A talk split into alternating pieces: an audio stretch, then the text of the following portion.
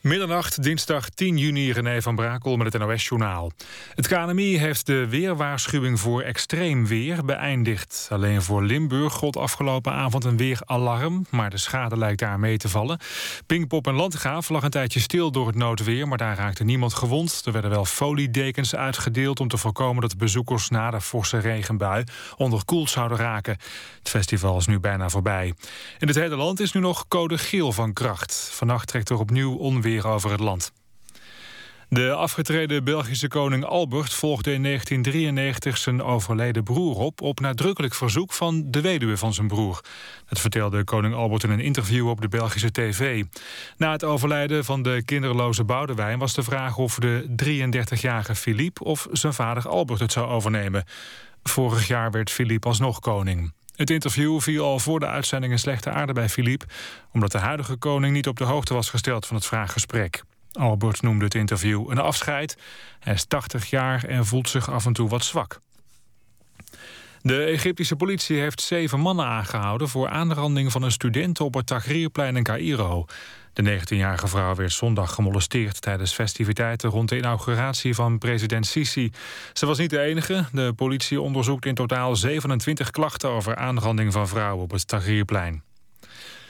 De bewoners van 140 huizen in Enschede zitten ook deze nacht nog zonder gas. Zaterdagochtend knapte in de wijken Bolhaar een waterleiding... waarbij ook een scheur en een gasleiding ontstond. 300 huishoudens kwamen daardoor zonder gas te zitten. En bij een deel daarvan kan de toevoer pas morgen worden hersteld. De gedupeerden in Enschede krijgen een wettelijke vergoeding... van 120 euro per dag. Het weer. Vannacht trekken dus opnieuw onweersbuien van het zuiden naar het noorden... met kans op hagel en windstoten. Overdag ook buien, maar ook kans op zon. Het wordt al maximaal 27 graden. Dit was het NOS Journaal. Radio 1. VPRO. Nooit meer slapen.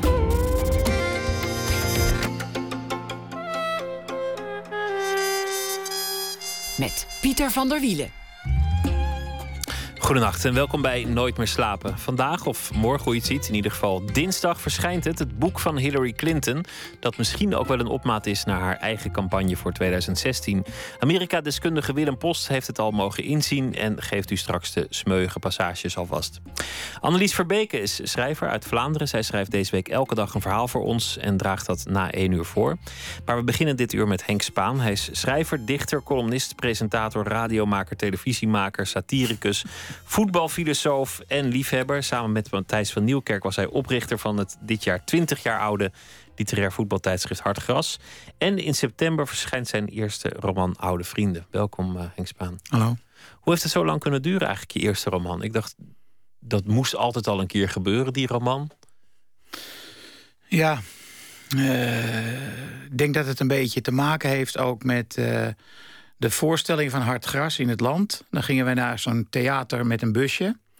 En uh, in dat busje zaten allerlei mensen die één of meerdere romans hadden geschreven.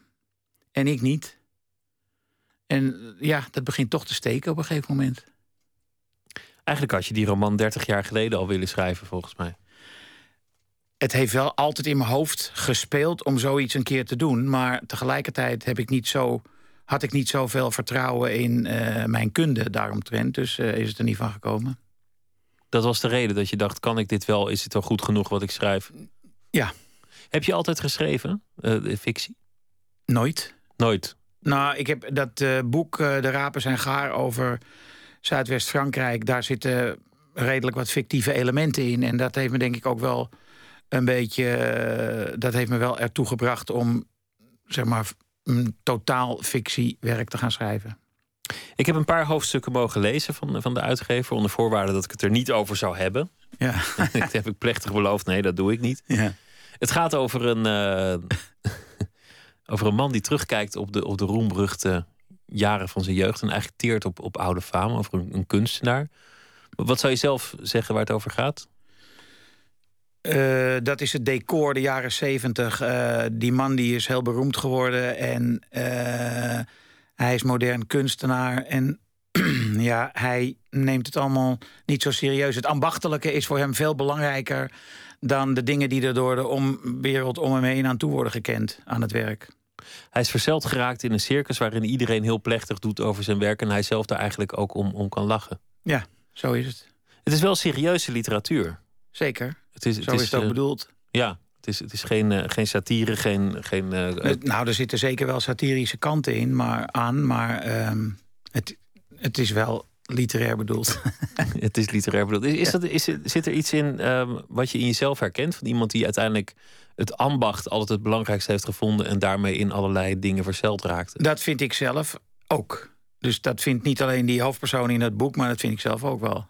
Het ambachtelijke aan eh, dit werk, de journalistiek, is wel heel erg belangrijk. Is, is dat wat je jezelf in de eerste plaats zou noemen, journalist? Ik, ik, ik had een vrij lange Nee, opzomming. maar ik. Weet je, ehm, ik, ja, ik, ik differentieer mezelf niet zo. Of ik definieer mezelf helemaal niet zo. Ik, eh, ik ben wie ik ben en ik doe dingen. Ik ben niet journalist of schrijver of tv-maker. Dat is op me weggekomen en, het, eh, en dat heb ik gedaan en dat doe ik. Dus ja, ik vind het lastig om daar een etiket op te plakken. Hoeft ook niet, natuurlijk. Heb je ooit een carrièreplanning gedaan eigenlijk? Nee, nee. Nee, dat, dat doen mensen tegenwoordig eh, doen dat met eh, grote ernst. En eh, zij kleuren hun cv bijna bij voorbaat in... met het oog op wat ze later willen gaan doen. Nee, dat heb ik nooit gedaan. Zijn er dingen waar je spijt van hebt? Ehm, het is wel zo dat in het begin... Toen ik, eh, ik ben eh Neerlandicus met eh, pedagogisch-didactische aantekening. In het begin, toen ik in, bij de Haagse Post bijvoorbeeld terecht kwam... en bij de radio... toen had ik wel altijd in mijn hoofd nog van... als ik dit niet blijk te kunnen, toch... dan kan ik altijd voor de klas gaan staan. Dus ik had altijd in het begin nog een beetje een vangnet. Ehm, maar spijt heb. Nee, je kan geen spijt hebben van dingen die je doet... want je hebt ze gedaan. Ik weet dat ik, dat ik bij de VARA werkte, tussen start en finish, het radioprogramma. En eh, tegelijkertijd werkte ik bij de VPRO. eh, Met eh Rogier Proper, Jan Henfrink, eh, John Jans Vergalen, Wim Schippers, Ischa. Ehm, en op een zeker moment zei de VARA... als je daarmee ophoudt, geven wij dat geld wat je daarmee verdient. Dat krijg je dan van ons. Maar dan moet je exclusief voor ons komen werken. Dat heb ik gedaan, uit een soort luiheid, denk ik. En, want dan had ik minder werk, minder te doen. Maar dat heeft me wel zeg maar, afgesneden van eh, een groep mensen met wie ik wel heel graag werkte. Dat was toen ook een, een legendarische tijd van de VPRO-radio. Ja, het was er ook ontzettend leuk. na, na twee wijntjes gaat het er nog steeds vaak over op Ja. die borrels. Dan, beginnen ze wel. weer. Oh, dat was En goed. die oude lullen weer eh, roepen van eh, vroeger was alles beter. Ja. Voetbal is, is eigenlijk wel een rode draad in je, in je carrière geweest. Voetbal en, en literatuur, welke was het eerst? Op straat vroeger was het, eh, was het er allebei. Want ik ging buiten voetballen en binnen lezen. Dus eh, Als het regende was het literatuur en als het mooi weer was, was het voetbal. ja, en dan in het begin natuurlijk voornamelijk lectuur. Want eh Arend, ik zou Arendshoog niet meteen tot de Nederlandse literatuur willen rekenen. Maar het werd al wel literatuur toen ik ook nog op straat voetbalde. Dat wel. En de Amerikaanse literatuur vooral. Hè? Dat, dat Toen voetbalde ik niet meer op straat. Nee, Nee. dat was later. Ja. ja. Die, die eh, voetbalgekte zoals het nu is, hè? want het WK komt eraan. Kijk jij dan elke wedstrijd? Ja, want dat vind ik leuk. Eh, en ik moet ook elke dag een stukje schrijven. Dus eh, ja, je verzamelt materiaal. Maar ik vind het ook leuk. En ja, ik denk dat ik vanaf... Nou, 74 heb ik denk ik ook wel bijna alles gezien. Eh in 78 schreef ik ook al dagelijks, volgens mij, in Parool. Ehm, dus het is ook werk. Maar het is toch leuker dan dat het ook werk is. Hoe kijk je naar die, naar die wedstrijd? Nou, met een pen en papier erbij. eh, want ik denk wel van... God, dat is een interessante speler. Daar zou ik wel over kunnen schrijven. Dat denk ik zelfs bij Honduras of zo.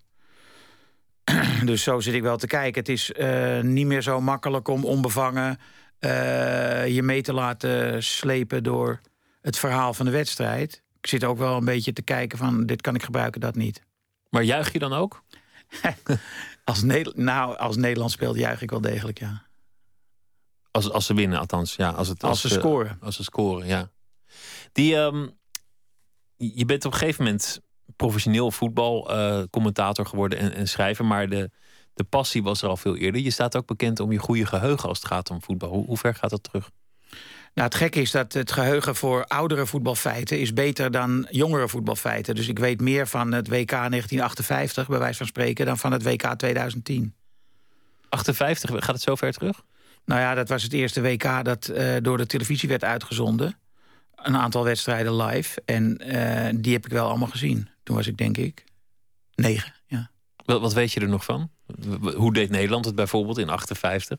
Nederland was daar niet bij. Nederland werd in 57 uitgeschakeld door Oostenrijk. In een enorme schoppartij in het uh, Praterstadion in uh, Wenen. Nederland kwam daar met 2-0 voor. En verloor die wedstrijd met 3-2. En uh, de beelden waren in het journaal van Roel Wiersma... die een hersenschudding was geschopt... die op een brancard uit het vliegtuig werd getild. Dus dat was wel indrukwekkend voor een jongen van negen. Ik heb ook heel hard gehuild na die wedstrijd. maar van het WK toernooi 58 herinner ik me vooral natuurlijk uh, Carincha en Pele uit het elftal van Brazilië. Echte legendes natuurlijk. Die toen werden geboren. Ja. Is het, um, is het nog net zo leuk als toen, het, het voetbal? Is de, is de romantiek er nog? Ja, dat wordt wel minder natuurlijk. Want uh, als, je, als je jong bent, dan identificeer je nog wel veel meer met de spelers. En, en nu is die identificatie onmogelijk, bijna per definitie. Want je staat er te ver vanaf, 30, 40 Omdat jaar. Je, dat je een oude man bent geworden, ja, bedoel je? Ja, ja. En uh, in 58, toen keek ik er naar ongetwijfeld met uh, het idee en de ambitie... om daar ook eens ooit te komen spelen. Dus dan kijk je nog op naar van daar kan ik komen te staan. Misschien is het ook wel de, charme dat, het, dat je jong houdt door naar jonge mannen te kijken. Ja, er zijn heel veel theorieën over. Dat is een van de dingen die mensen zeggen om uh, te verklaren waarom mensen van boven de 40, 50 nog steeds zo fanatiek naar voetballen kijken. Ja, dat kan. Dat, ik analyseer dat niet bij mezelf. Maar het voetbal zelf is ook veranderd natuurlijk. Het is, het is commerciëler geworden, groter geworden. Het voetbal als sport uh, is veel beter geworden omdat uh, de spelers zijn door de, door de invloed van... Kijk, de invloed van het geld is niet helemaal slecht. Daar zitten wel uh, hele slechte kanten aan. Maar door de invloed van het geld zijn de spelers zich ook beter gaan trainen. Want ze moeten mee kunnen komen in die uh, malle molen. Dus moeten ze fysiek veel sterker worden. En ze moeten ook technisch beter worden en tactisch. Dus het niveau het niveau is veel hoger geworden, ook door de invloed van het geld. In die zin een goede, goede invloed, maar het is, het is ook in zekere zin een spiegel van de samenleving. Hè? Met uh, matchfixing en schandalen bij, bij de FIFA en, ja. en, en managers die, die zich ermee bemoeien, die helemaal niet uit de sport zelf komen. Ja, het is heel hard. En het is uh, inhalig. Het voetbal is inhalig. Dus, uh, voetballen wordt bevolkt door veel inhalige mensen. maar echt kapot of ze, ze, of ze het spel voetbal ook echt kapot krijgen, dat betwijfel ik. Daar is het te, te, sterk voor. Ja, daar is, ja. Misschien is er ook nu wel een soort begin van een schoonmaak gaande. Zoals je dat in de rest van de samenleving ook ziet. Dat we nu genoeg hebben van, van graaiende koepelvoorzitters. In, nou ja, maar zolang Blatter uh, hoofd is van de FIFA, wordt er echt niet schoongemaakt. En de kans dat hij uh, weer wordt herkozen uh, in de komende dagen, die is vrij groot hoor. En dat is natuurlijk de man die alle schandalen aan zich heeft kleven uiteindelijk. Nou, die uh, voortdurend de doofpot heeft gehanteerd om alle schandalen te verhullen. En die, uh, ja, die, ja, het, de grens tussen corruptie en uh, ontwikkelingshulp in het voetbal is ook heel erg moeilijk. Want Blatter geeft aan ehm, kleinere landen veel geld voor de ontwikkeling van voetbalscholen, uh, et cetera, et cetera, in die landen. Maar het betekent ook wel stemmen voor hem. Dus hij telt heel goed de stemmen. En um, kijk, in Europa is voor hem niks te winnen. Sommigen zullen op hem stemmen, anderen niet. Maar hij kan ze niet wezenlijk beïnvloeden. In, in de zogenaamde derde wereld kan hij gewoon stemmen kopen. Alleen is het dan, is het dan kopen als je uh, de infrastructuur in een bepaald land op voetbalgebied verbetert? Ja. Je kan ook de vraag stellen of die FIFA als geheel niet veel te machtig is geworden. Dat is, dat is, zeker, dat is zeker zo. De, maar de lokale de regeringen die passen zich veel te gemakkelijk aan aan de, aan de FIFA. De FIFA bepaalt dat er in, in steden alleen maar in een omtrek van 10 kilometer alleen maar bier van de sponsor mag worden gedronken. Dat zou een, een overheid nooit moeten toestaan. Dat raakt ook eigenlijk aan, aan de democratie of in ieder geval aan de vrije Ja, maar markt. goed, eh, als een land een eh, WK krijgt... dan tekenen ze ervoor dat de FIFA-regels op dat gebied worden ge- gehandhaafd. Maar je optimistisch was je. Je zei, het voetbal zullen ze er nooit onder krijgen. Denk de, baasjes en de, en de bobo's. Die, Nee. romantiek die zal, zal altijd overleven. Waar verheug je het meest op, dit WK? Ehm, nou ja, vele, ja, alles is onzeker. Maar ik heb Frankrijk zien spelen. Ik denk dat dat een, ehm, een, een vrij grote en belangrijke outsider zou kunnen worden. Ehm, vorig jaar op de Confederations Cup heb ik Brazilië gezien. Die waren heel erg sterk. Ehm, ja, en Nederland, eh, Nederland. Het is ontzettend moeilijk om dat eh, in te schatten hoe ver Nederland is. Of ze in staat zijn om eh, die pool te overleven. Ehm, ja, er hoeft maar één gelukkige goal te vallen in die wedstrijd tegen Spanje. En het kan zo meezitten dat Nederland eh, op vleugels de, de, de pool overleeft. Het probleem is een beetje dat je moet zo'n toernooi slecht beginnen in principe. Om langzaam beter te worden en ver te kunnen, om ver te kunnen komen. En Nederland moet meteen vol aan, aan de bak, zoals ze dat noemen, tegen Spanje. Ja, en datzelfde geldt min of meer voor Spanje ook hoor. Die begonnen in 2010 heel slecht met een nederlaag tegen Zwitserland. En die zijn langzamerhand in dat toernooi gegroeid. Is Spanje nog zo goed als, als Nee. eh, vier jaar geleden? Nee, Of twee jaar geleden trouwens? nee, nee. Savi is echt oud en eh, maakt niet meer een kipfitte indruk. Zelfs Iniesta, die, dat vind ik dus een van de grootste spelers van het Spaanse team... die is niet meer zo fris als toen. Dan heb je Alonso, die is ook minder, die is ook, wordt ook al oud. Ik, nee, ja, eh, Spanje, het zou me verbazen als die echt weer halve finale halen. Nu mogen we het zeggen. Trauma is denk ik wel een beetje geweken. Het was, was vier jaar geleden was het een, een briljant team. Spanje? Ja, Zeker. zo, zelden zo'n goed team gezien, toch? Nee, en volkomen verdiend gewonnen die wedstrijd. We gaan luisteren naar eh, muziek. Tussendoor doen we ook altijd. Lee Fields en The Expressions. Just Can't Win heet het nummer.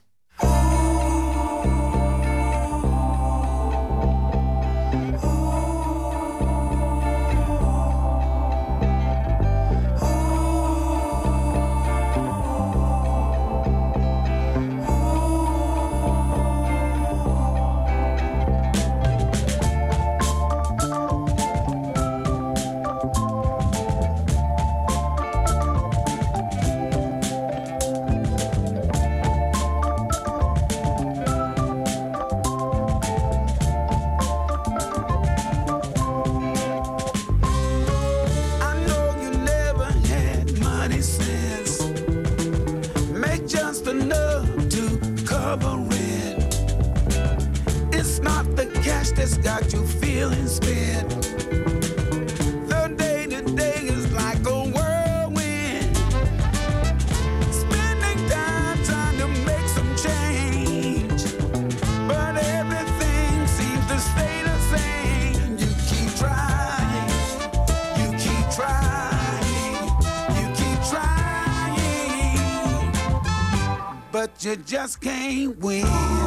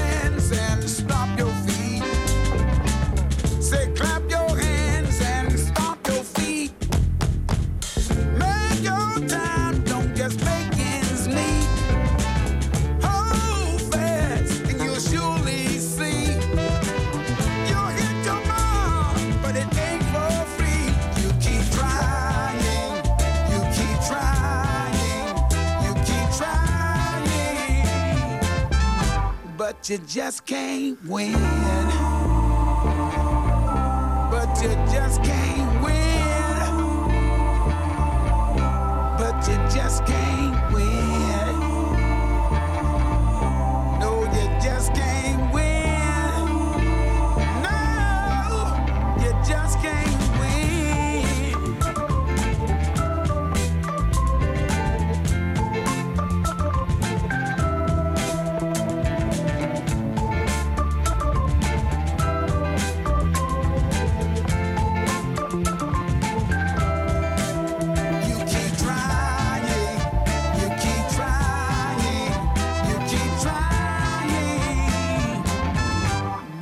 Just can't win.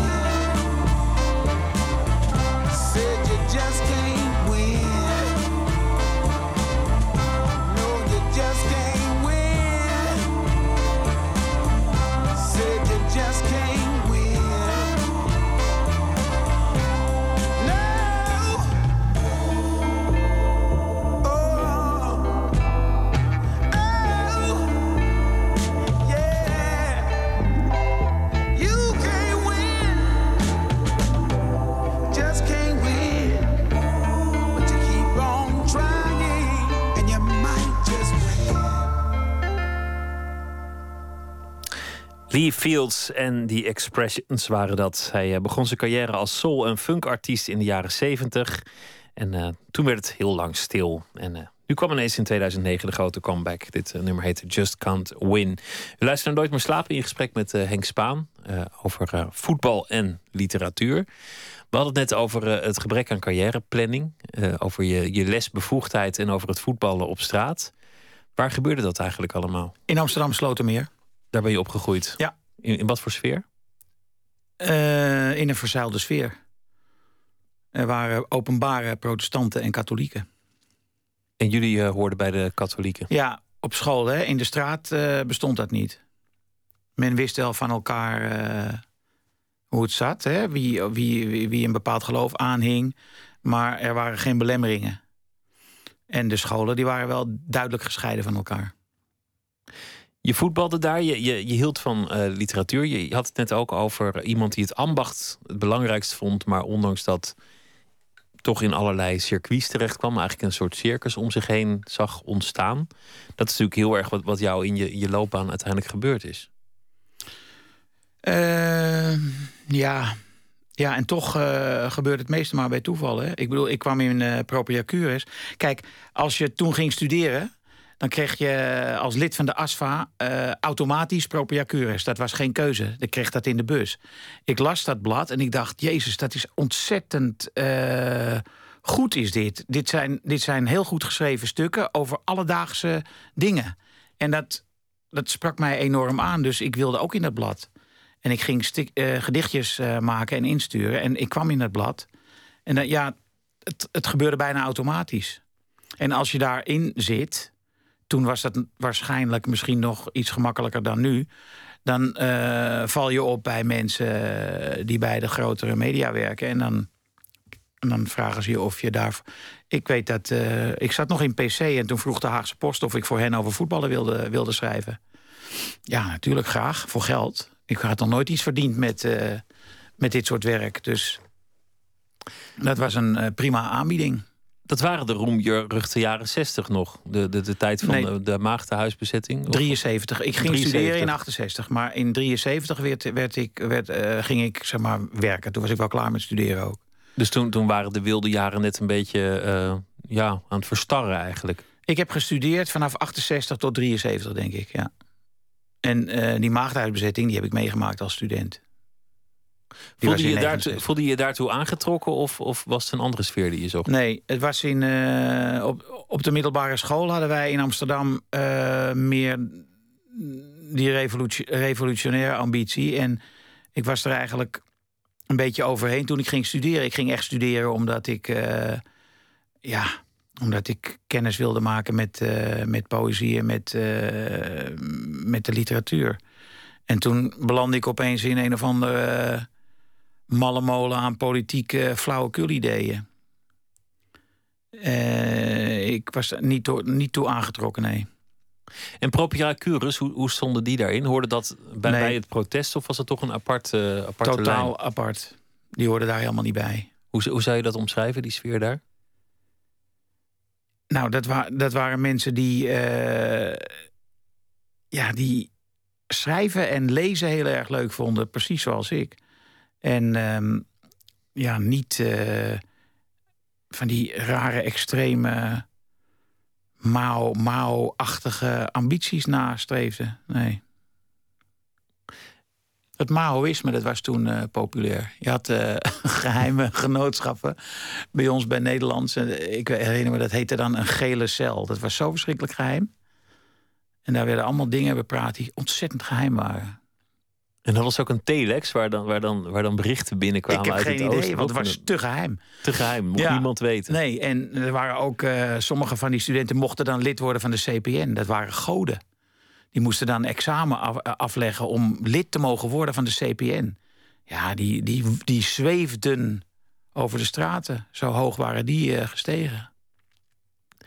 Die sfeer bij Propria Curus, d- dat is volgens mij eigenlijk altijd de rode draad geweest in, in, in jouw baan. Om, om gewoon een leuk clubje mensen te hebben en samen een, of een blad te maken, of een programma, of, of, eh, of radio of tv of, of wat dan ook.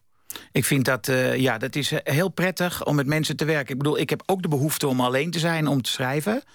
Maar niet de hele dag. Dus laten we zeggen, s'morgens alleen schrijven... en smiddags met andere mensen iets maken. Dat klopt. Dat vind ik heel... dat is ook inspirerend. Maar poëzie en voetbal, dat zijn toch twee, twee woorden die je zelden in één adem hoort. Nou, mm, dat is niet helemaal waar, denk ik. Eh, Nico Scheepmaker die was toen ook al aan het werk. Wij hebben ehm, de eerste gedichten van Jan Kal gepubliceerd in eh Propria Cures. En die gingen eh, ja, van Frank Sinatra tot wielrennen. Maar zijn bundel heette... eh, ehm, het woord Mont Ventoux kwam erin voor. Dichten is fietsen op de Mont Ventoux. Eh, ik bedoel, dat was ook sport en poëzie. Dus ik heb dat nooit als twee eh, tegen, tegenpolen gezien. En wa- waarom leent voetbal zich goed voor poëzie? Of, of sport in het algemeen?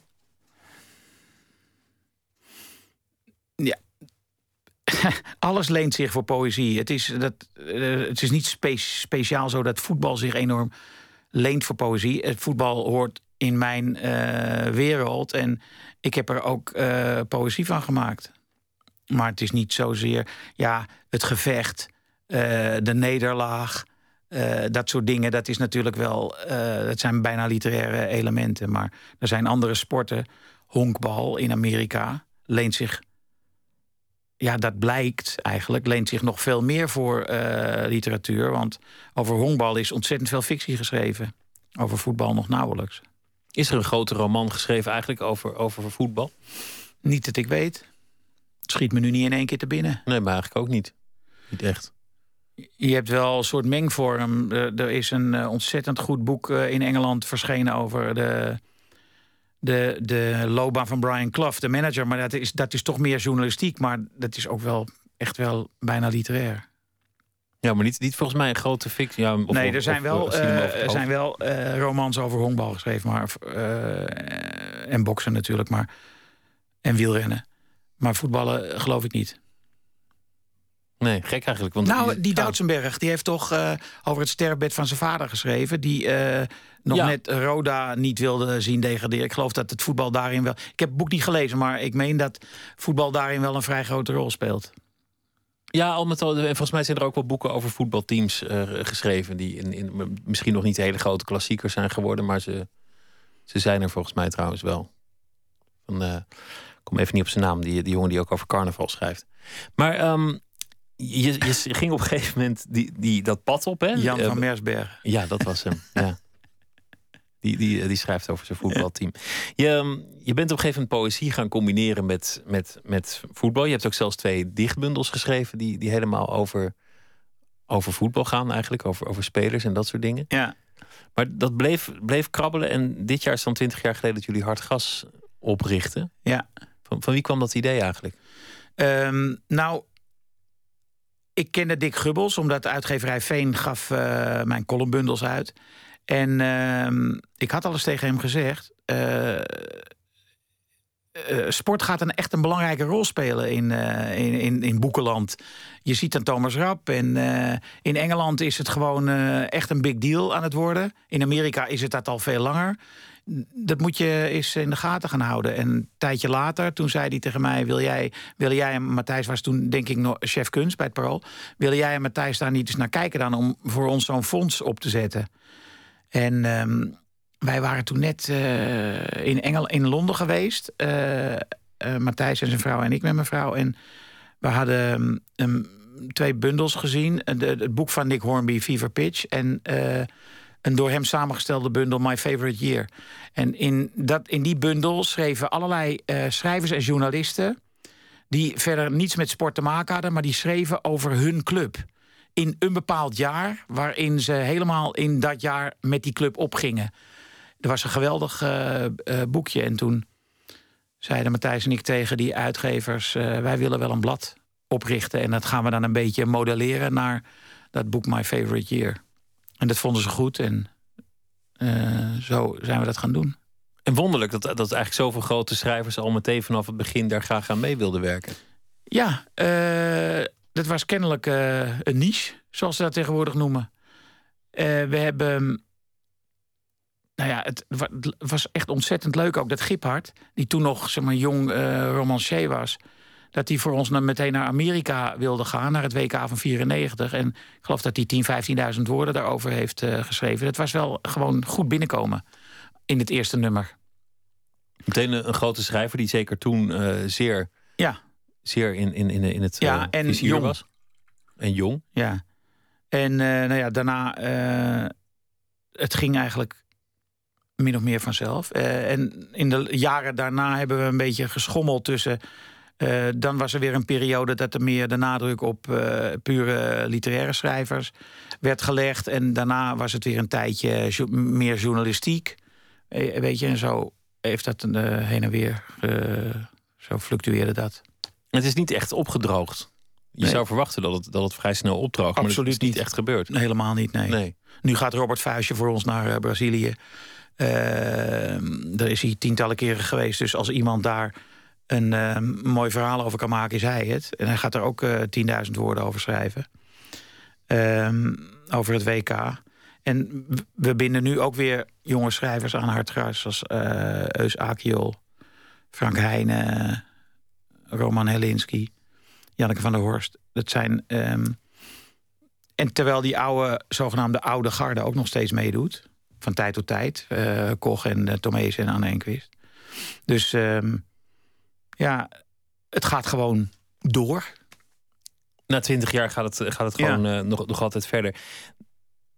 Het grappige is dat het voetbal uiteindelijk natuurlijk totaal zinloos is. Dat, dat, het, ik bedoel, dat vind ik altijd het mooie eraan, aan al die voetbalbeschouwingen. Dat zo'n bal gaat erin of niet. Maar ja, dat is, dat is een, een centimeter op je schoen is, is een meter in het doel. Of, Ja. of een meter naast het doel. Ja, dat is volkomen juist. En daar wordt dan vervolgens ook de hele staat van een land aan opgehangen. Of, of een hele tijdgeest. Of, of een diepste psychologisch inzicht over de betreffende speler of coach. Het klopt ook bijna nooit.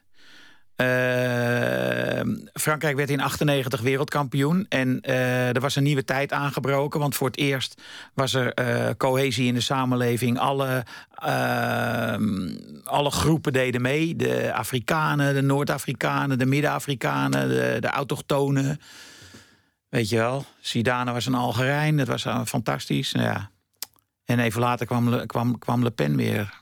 Toen bestond het opeens niet meer allemaal. Die, eh, Waren al die analyses zo snel het raam uit Ja, als, ze- als ze waren opgekomen. Het is allemaal waan van de dag. En ze- zoals ze nu ook zeiden in 2010 over het lelijke voetbal, dat het, dat Auke Kok zei het geloof ik, dat het PVV-voetbal was wat Nederland speelde. Eh, Volkomen onzin.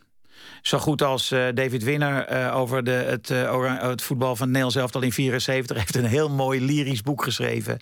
Waarin hij allerlei parallellen trekt tussen het werk van Sarendam en het Nederlandse voetbal. Maar op zich is het natuurlijk allemaal flauwekul.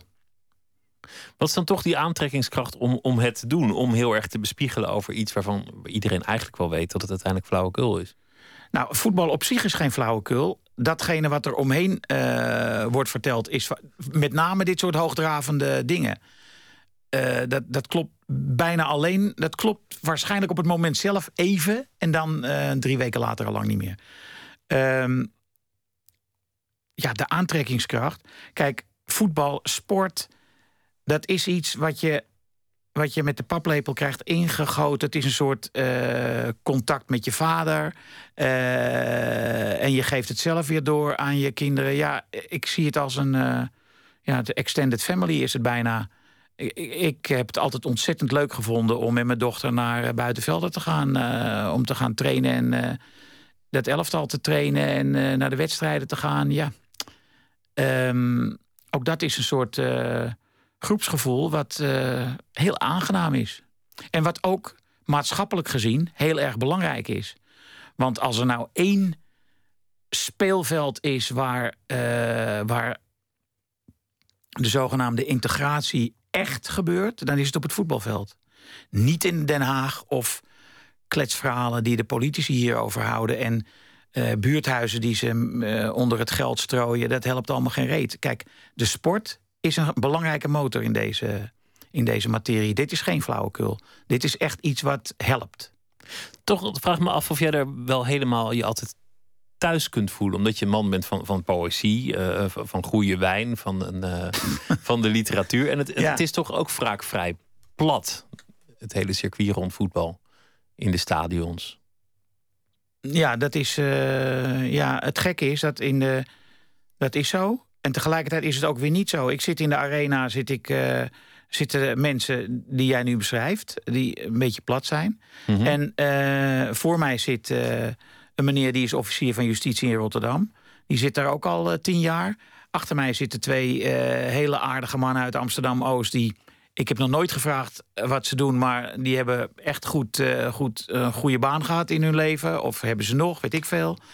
Dus het, is een, het is een mengvorm die me heel erg aanspreekt. En ik kom uit Amsterdam-West. Dat is een soort lower class, lower middle class um, maatschappijtje was dat in de jaren 50 werd dat gebouwd allemaal. En uh, dat, was ook, dat was ook een, um, een omgeving waar hogere en lagere cultuur... en ook hogere en lagere subculturen uh, bij, bij elkaar kwamen. En dat, dat zie ik in het voetbal ook. Dus en daar, voel, daar voel je je wel bij thuis? Daar voel ik me bij thuis, ja. En die, die, die sfeer die dan typisch ontstaat... nou ja, Voetbal International is op, op tv, een, een, VI is een groot succes. Ja dat moet het toch ook hebben van, van die verbroederlijking van, van het tamelijk platte. Bij Vlaag is het toch wel echt aan de platte zijde. Ja, maar dat vind ik ook verschrikkelijk. Ik kan er bijna niet meer naar kijken. Wie wilde nou horen over het seksleven van uh, overjarige, overjarige sportjournalisten en voetballers? Het is toch gewoon bij de konijnen af. Dat vind ik verschrikkelijk. Zie, zie je daar een soort erfenis van je, van je eigen werk in, in, in zoverre? dat, Dankjewel. waarschijnlijk helemaal niet wat je, nee. wil, wat je wil horen. Maar wat jullie deden, Spaan en Vermegen in, in de jaren tachtig, dat was wel een heel andere manier van sportjournalistiek dan mensen voordien gewend waren. Uh, nee, met, uh, eerst deden we dat op de radio, hè, tussen start en finish. Uh, maar dat was bijna fictie. Ik bedoel, Harry ging er wel op uit met de microfoon om mensen te ondervragen. Maar we maakten er in de studio een. een uh, het item werd boven zichzelf uitgetild hoor. Door wat we eromheen bouwden. En op tv begonnen we. Wanneer begon Studio Spaan? 1993. Je kan echt niet zeggen dat dat een voorloper van Voetbal International op de televisie is. Dat is echt niet waar.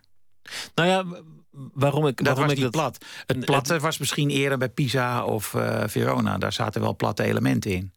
Nou ja, wat, wat, wat het volgens mij een beetje deed, was dat het ook een bepaalde sfeer die mensen kennen van het, van het café waar ze zelf over voetbal praten, ja. of, of uh, de voetbalkantine, dat dat ook in het programma voelbaar werd. En dat is volgens mij ook wat, wat VI probeert. Ja, dat. Uh, die, mm, ik weet niet. Ik, ik, ik heb het idee dat we in, uh, in dat voetbalprogramma toch ook wel uh, ja, bepaalde. In, bijvoorbeeld, we hadden dat onderwerp Fax van Max. Dat was, waren altijd kinderen die gingen naar hun idool. En het werd dan zo gemonteerd dat het toch wel mooi was. En uh, er was niet de nadruk op, uh, op paaldansen of zoiets. Nee, in nee, dat, programma. In die zin was het, was het inderdaad absoluut niet zo plat als het. Als het ik denk dat het woord paaldansen in elke uitzending van VI wel een keer voorkomt. Of dat die andere man die daar zit, die vroeger heel goed kon voetballen, Jan Boskamp, dat hij graag uit de muur eet. Ik vind dat, dat vind, ik vind niet zo belangrijk. En ik geloof ook niet dat, uh, dat dat iets te maken heeft met wat wij deden toen. We gaan weer luisteren naar uh, muziek. Zweedse zusjes Clara en Johanna Söderberg. En, uh, ze hebben een bandje samen, First Aid Kit. En het nummer heet My Silver Lining.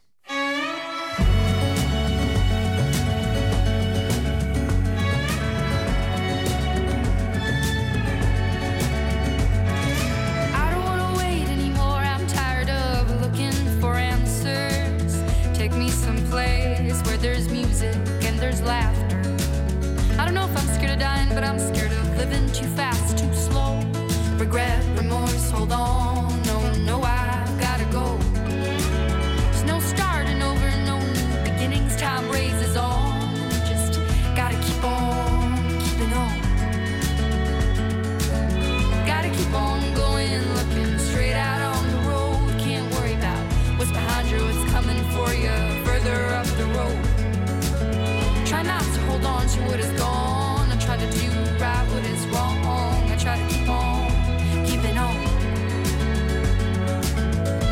Just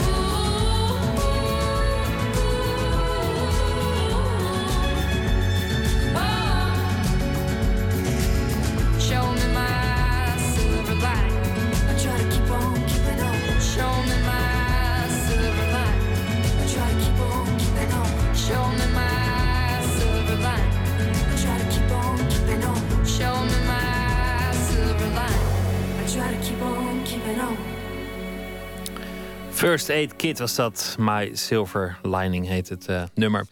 In gesprek met Henk Spaan over eh, de literatuur en over, eh, over voetbal en over je eigen loopbaan.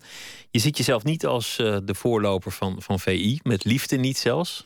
Ik, er is wel iets. Ik heb wel in 7 of 8, in 98 hadden wij een, deed een jaar een programma bij Veronica. Dat heette volgens mij Voetballen doe je zo. En ehm, toen hebben wij als een van de laatste uitzendingen in het voorjaar van 98 een programma gemaakt met Johan Derksen, Co Adriaanse en Wim Kieft. En ik was de gespreksleider.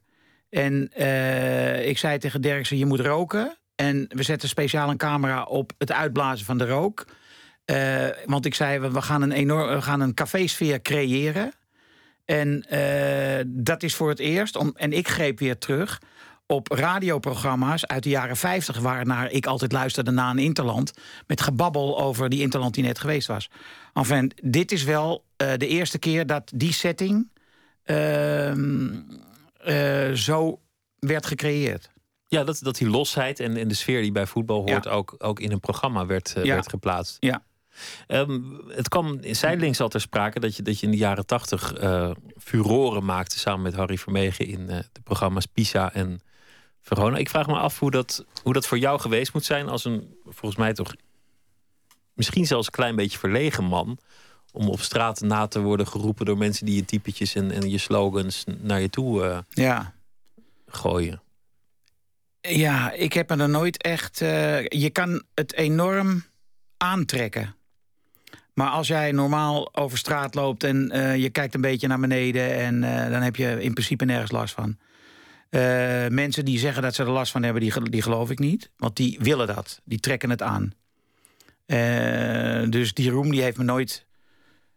Ik vind het ook een raar woord, roem. Het, heeft, het is altijd in the eyes of eh, de rest. Hè? Zelf kijk je er helemaal niet zo naar.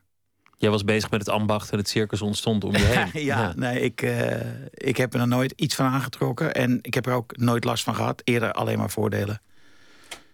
Maar Maar het was natuurlijk een bepaald soort humor van, van eh, zinnen die steeds terugkwamen. Ja. eh, eh, slogans, wat is het koud, hè? Ik kan me voorstellen dat, dat iedereen dan op de markt roept... wat is het koud, hè, als je langs loopt. ja, dat wel. Ja, dat, dat, roep je, dat roep je over jezelf af. Dat heb ik nooit, nooit als hinderlijk ervaren of zo. Jij had vaak in, in, in het duo, maar ook in, in andere ehm, rollen... een beetje de act van de boze man. Ja, Is dat, is dat iets wat dichtbij je ligt? Want volgens mij ben je helemaal geen boze man. nee. eh, het was een hele natuurlijke verhouding tussen Harry en mij. Hij was zeg maar de hele enthousiaste... eh, soms veel te enthousiaste figuur... die moest steeds tot de, tot de orde worden geroepen. En dat, dat was bijna natuurlijk dat dat mijn rol werd. Dat ik eh, autoriteit over hem moest uitoefenen... om hem in het gareel te houden. En daarom, daarom paste dat bij jou om die boze man te zijn. Ja, Maar ook in andere rollen als commentator kon je, kon je wel eens jezelf lekker opwinden Nee, over ja, iets. met eh, columns is eh, natuurlijk een, eh, een column is ook een eh, rol die je speelt. Dat is volkomen juist. Ik heb op Radio 1 jarenlang die column gedaan. eh, op eh, donderdagochtend, geloof ik. En dan was ik ook een boos. Maar dat is natuurlijk wel gespeeld. Gespeelde boosheid, maar dat werkt gewoon beter voor je, voor je column. Ja, ja, natuurlijk. Als je een standpunt wil verkondigen... dan kan je beter even net over de top gaan. Zelf wordt mensen om je heen zeggen dat je, dat je eerder verlegen bent dan, dan boos. Uh, ja, dat, eh, dat, kan dat, dat laat ik voor hun rekening. Ja, Ja. Ga je zelf ook niet, eh, niet overlopen bespiegelen hoe dat, Nee. eh, hoe dat zit. De, de roman komt eraan. Ehm, dat, dat gebeurt dan in, in september. ja, 4 september. Over, over een man die terugkijkt op zijn leven, die, die, die de, de roemruchte jaren zeventig in zich heeft gedragen. Is, is dat zo dat, je, dat die periode je extra bezighoudt tegenwoordig? Ik heb wel, eh, zelfs in die tijd dacht ik al... dit is een heel mooi decor om een keer te gebruiken. Omdat, eh, kijk... Nu is het zo, kinderen, die, er zijn... Om te beginnen is er enorm veel horeca in de binnenstad van Amsterdam. Eh, en eh, k- die, die, die jongeren van nu hebben geen stamcafé. Die gaan naartoe waar hun mobiele telefoon hen eh, naar eh, roept. Toen waren er gewoon zes cafés in Amsterdam. Daar was iedereen altijd. Schrijvers, journalisten, studenten, professoren, schilders, beeldhouwers, eh, voetballers. Maar er waren er maar zes. Dus waar je ook heen ging, je kwam altijd bekenden tegen. En ehm, ja, dat is wel zo anders dan tegenwoordig. Dus, maar ik was me daar toen ook al wel van bewust dat het wel een ja, heel mooi decor was. En natuurlijk ook een, periode waarmee wordt afgerekend op dit moment. In heel veel opzichten. Waar ook een soort verlangen terug is naar, naar die tijd. Maar ook kijken we er in veel opzichten met een beetje hoofdschudden naar. Eh, ja, De is- doorgeschoten tolerantie. Of, Zeker, dat is ook terecht. En ja, op allerlei gebieden. Want eh, laten we zeggen, het satirische element in het boek wat ik heb geschreven, dat, dat, er wordt wel. Er zijn mensen die eh, zijn wel heel erg behendig in het vergaren van subsidies. En eh, dat was toen zo. Dat, dat was een, een vak apart. En daar waren sommige mensen ontzettend goed in. En er was ook een, een cultuur waarin je niet graag iemand subsidie weigerde voor sommige dingen. Omdat die wel heel erg aan de goede kant stonden. Ook dat. En eh, ik laat iemand zeggen in dat boek, en dat heb ik zelf ook wel horen zeggen door mensen: als je geen subsidie krijgt, dan tel je niet mee. Het is een teken van erkenning van het systeem. Het is, nee, het is een teken van erkenning van het feit dat jij kunstenaar bent. Dat je subsidie krijgt. Dat je subsidie niet- krijgt, en dat je, dat je geld verkoopt. van de staat nodig hebt. Ja, nou, dat, is, dat past echt niet meer in deze tijd. Hè? Het is nu even anders. Het is een, eh, eh, een geestig boek, wat ik er al van, van gelezen heb, maar ook een, ook een serieus literair werk. Het, eh, ik, ik hoop dat het de aandacht krijgt die het verdient als het in eh, september verschijnt. Ik hoop het Is, ook. is eh, spannend natuurlijk. Ja. En ik wens je een heel vrolijk WK de, de komende weken. ja, ik jou ook. Ja, dank dat je te gast wilde. als je tijd hebt eh, om ernaar te kijken. Ja, alle tijd van de wereld. Ja, Nou, overdag. overdag. Nee, maar s'avonds zit je hier. Ja, en dan, dan is het natuurlijk allemaal Het is net- ook om 12 uur. Ja, dat is waar. Dan zit ik hier. Italië, Engeland ga jij niet zien. Nee. Nou ja. Wordt toch een hele saaie wedstrijd, denk ik. Henk Spaan, dankjewel. Leuk dat je eh, de gast wilde zijn. Vandaag verschijnt eh, het boek van Hillary Clinton. En dat is een eh, bijzonder boek. Hard Choices over de moeilijke keuzes die zij in haar eh, leven, werk en eh, privéleven ook heeft moeten maken. Amerikanist Willem Post heeft het eh, boek als zo'n beetje enige Nederlander alvast gelezen. Goedenavond, uh, goeienacht Willem Post. Ja, goeienacht hè. Ja.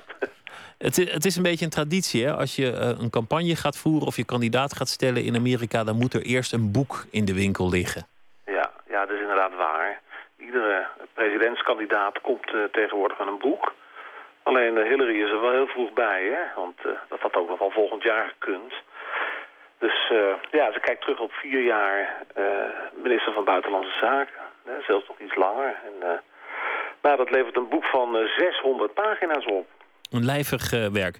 Ze, ze heeft zich nog niet uitgesproken over de vraag of ze zich kandidaat zou stellen. Dit boek zou natuurlijk kunnen helpen om bepaalde hete hangijzers op te lossen. Of, of eh, van zich af te schuiven voordat ze zich kandidaat stelt. Moeilijke Ja. dossiers bijvoorbeeld. Ja, nou kijk, als je 600 pagina's volschrijft over ja, alle belangrijke keuzes die je hebt gemaakt, waar het met Amerika en de wereld naartoe moet. Hè. Want het is niet alleen maar terugblikken hoor, ze kijkt ook echt wel vooruit. Dan denk ik van ja, kijk, als je dan op de laatste pagina schrijft van, eh, nou we staan vlak voor een hele grote, andere cruciale beslissing. Ja, eigenlijk wijst zo'n beetje alles erop dat Hillary het gaat doen. En eh, ze heeft al gezegd, ja, dat doe ik dan waarschijnlijk pas begin volgend jaar. Hè? Althans, die, die beslissing ja of nee. Dat is ook heel verstandig, want eh, ja, ze is populairder dan ooit. En, en timing, hè? je moet niet te vroeg zijn met de officiële bekendmaking. Dus eh, ja, ze schrijft inderdaad in dit boek eh, het een en ander van eraf. Ze, ze noemt ook Obama mijn grote vriend. Dat is tactisch heel slim natuurlijk, want ja, ze heeft de Obama-mensen heel erg nodig. Hè, die hebben prachtige campagnes gevoerd. Je ziet nu al dat een aantal van die topmedewerkers zijn overgelopen naar Hillary. Dus ja, ze taait eigenlijk in dit boek aan de ene kant Obama. Ze heeft al gezegd dat als ze zich kandidaat stelt, dat dan inzage zal geven in haar medische dossiers, zodat die twijfel kan worden weggenomen. Als je zo gedetailleerd daar al over hebt nagedacht, dat, daar zou ik wel een teken in zien, denk ik. Ja, nee, dat is waar. Dat, dat schrijft ze ook in dit boek. En ja, de meest krankzinnige dingen eh, worden naar voren gehaald. Als ik met een zonnebril uit het ziekenhuis kom, omdat ik inderdaad nog wel wat last van mijn ogen heb, dan heb ik gelijk een hersentumor. Of ik stort bijna in elkaar. Dat is allemaal flauwekul, schrijft ze.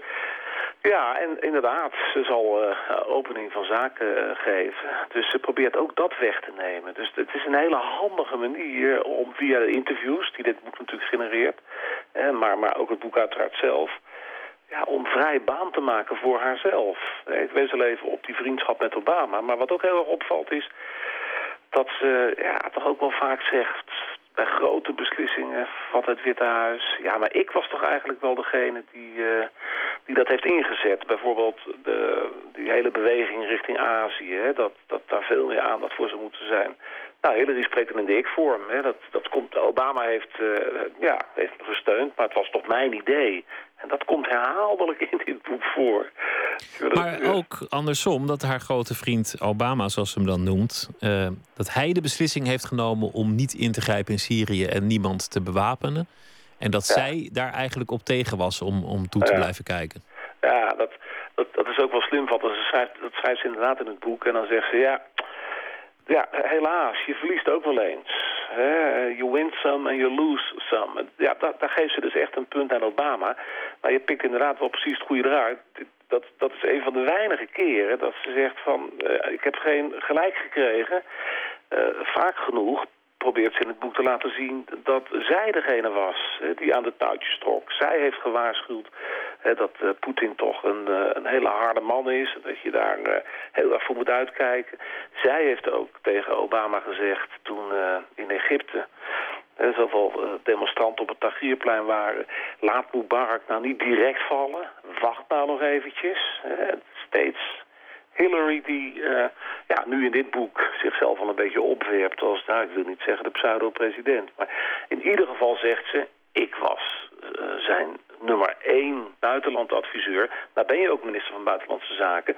Maar juist bij Obama weten we dat we in het Witte Huis een aantal mensen om Obama heen hebben... die, ja, die eigenlijk heel erg veel naar zich toe trekken. En dat ontkent Hillary eigenlijk in dit boek.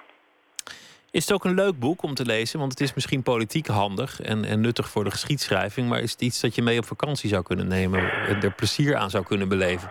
Ja, dat, dat vind ik wel. Kijk, het is niet een boek, dat konden we eigenlijk ook niet verwachten, hè, eh, dat je echt van je stoel afvalt en dat je zegt, jeetje, wat ik nu lees.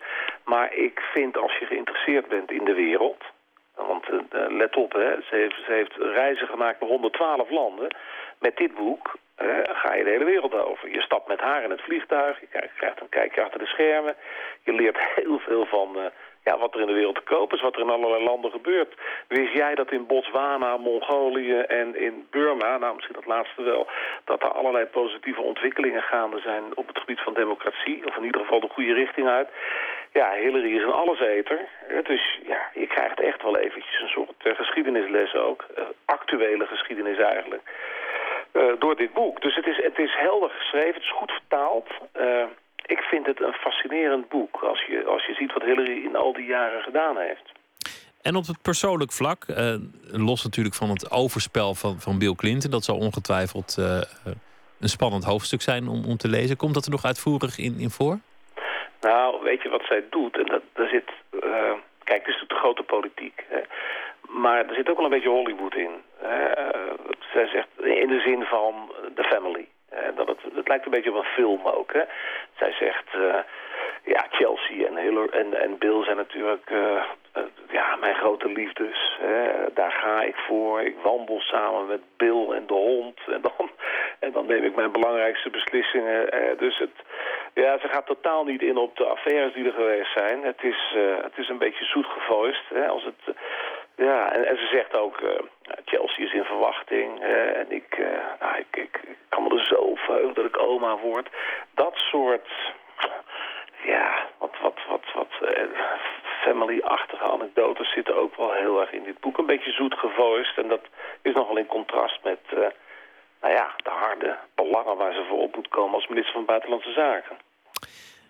Ze zal eh, heel veel interviews geven de komende eh, weken over dit boek. Eh, dan is nu die, die lancering, dat, is, dat is een groot moment. Wat wordt het eerste grote interview? Wie krijgt eh, die primeur? Nou ja, ABC heeft dat vannacht al. En weet je, eh, en, en dan gaat ze naar... Het is onvoorstelbaar. Kijk, het- en dat, maakt, dat is ook een reden, vind ik, dat dit boek interessant is. Omdat het over Hillary gaat. We, hebben het hier wellicht, waarschijnlijk... De kans zit er toch echt in, over de nieuwe Amerikaanse president. Het is toch geen gekke werk als je dat zo zegt. Ja, dat maakt het wel verdomd interessant om zo'n boek te lezen. En natuurlijk zit er heel veel in, eh, misschien wel bijna alles waar goed over nagedacht is. Hoe komt het over? Maar je kunt je in 600 pagina's natuurlijk niet verstoppen. En je krijgt echt wel meer inzicht in, ja, hoe denkt deze vrouw nou? Over vrouwen-issues, kinder-issues, eh, over, homo's. Ze heeft overal een mening over. Ja, en, eh, en dan staat het toch zwart op wit. En ja, ik vind dat maakt dit boek toch wel dat je denkt van... Oké, toch een kijkje achter de schermen. Je gaat echt met haar het vliegtuig in. En jij ziet het wel gebeuren, Hillary, eh, president. Ja, kijk, je kunt altijd slagen om de arm eh, hebben. Zeggen van, ja, de gezondheid natuurlijk. Maar durf ik wel een flink bedrag op in te zetten. Als je zo'n boek schrijft... Hè, en en, en, en zo'n eh, boekencampagne en je, en, en je zoveel zorgen maakt om Amerika en de wereld...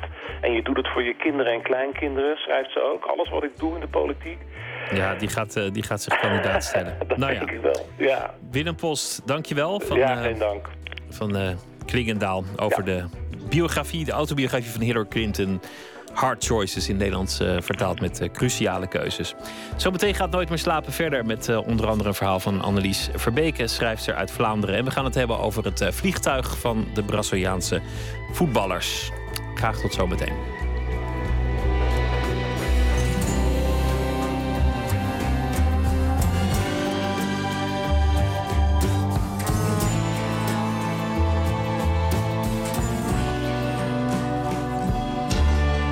Radio 1. Het nieuws van alle kanten.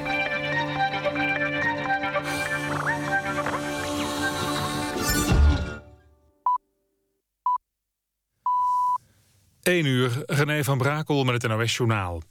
De burgemeester van Landgraaf vindt dat de organisatie van Pinkpop geen onverantwoorde risico's heeft genomen door het festival door te laten gaan, ondanks het noodweer.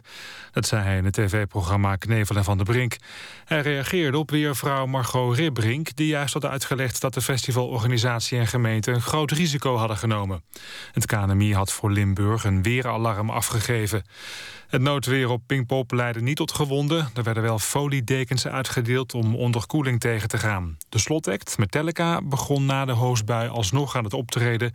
en inmiddels zit Pinkpop erop. De zware onweersbuien en rukwenden hebben in de Duitse deelstaat Noord-Rijn-Westfalen wel voor veel overlast gezorgd. Volgens Duitse media bereikte de wind orkaankracht en kwamen regen en hagel met bakken uit de lucht. Voor zover bekend heeft het noodweer in Duitsland één leven geëist. Een man in Keulen werd op de fiets geraakt door een omgewaaide boom. Ook kwamen ontwortelde bomen en takken op wegen en het spoor terecht. Het treinverkeer ligt op veel trajecten stil. En de luchthaven van Düsseldorf, die ook bij veel Nederlandse toeristen in trek is... liet vliegtuigen ruim een uur lang niet vertrekken of landen. De schietpartij in een warenhuis in Las Vegas zondag... waarbij in totaal vijf mensen omkwamen, was een aanslag. De twee daders zouden extreemrechtse racistische denkbeelden hebben... zegt de Amerikaanse politie. Twee agenten die zaten te lunchen en een bezoeker bij de kassa werden gedood. De twee daders pleegden uiteindelijk zelfmoord. De politie onderzoekt nog of de twee banden hebben met extreemrechtse groeperingen. Het weer. Vannacht trekken opnieuw onweersbuien van het zuiden naar het noorden... met kans op hagel en windstoten. Overdag buien, maar ook kans op zon. Het wordt dan maximaal 27 graden. Dit was het NOS Journaal. Radio 1. VPRO. Nooit meer slapen.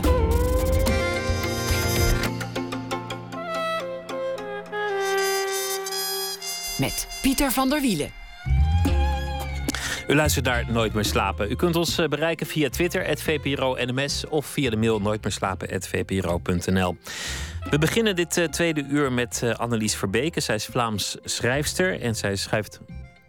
En zij schrijft elke dag een liedje, of een liedje, een, een, verhaal voor ons. Maar we beginnen nu eerst met een liedje, hoor ik. Vandaar, nou ja, wat een ravage. Jet Rebel en het nummer heet Hashtag. Speelde vandaag op Pinkpop trouwens. I got it all figured out. Think I know what I'm talking about. Think I know what I'm dealing with. I can hardly remember it.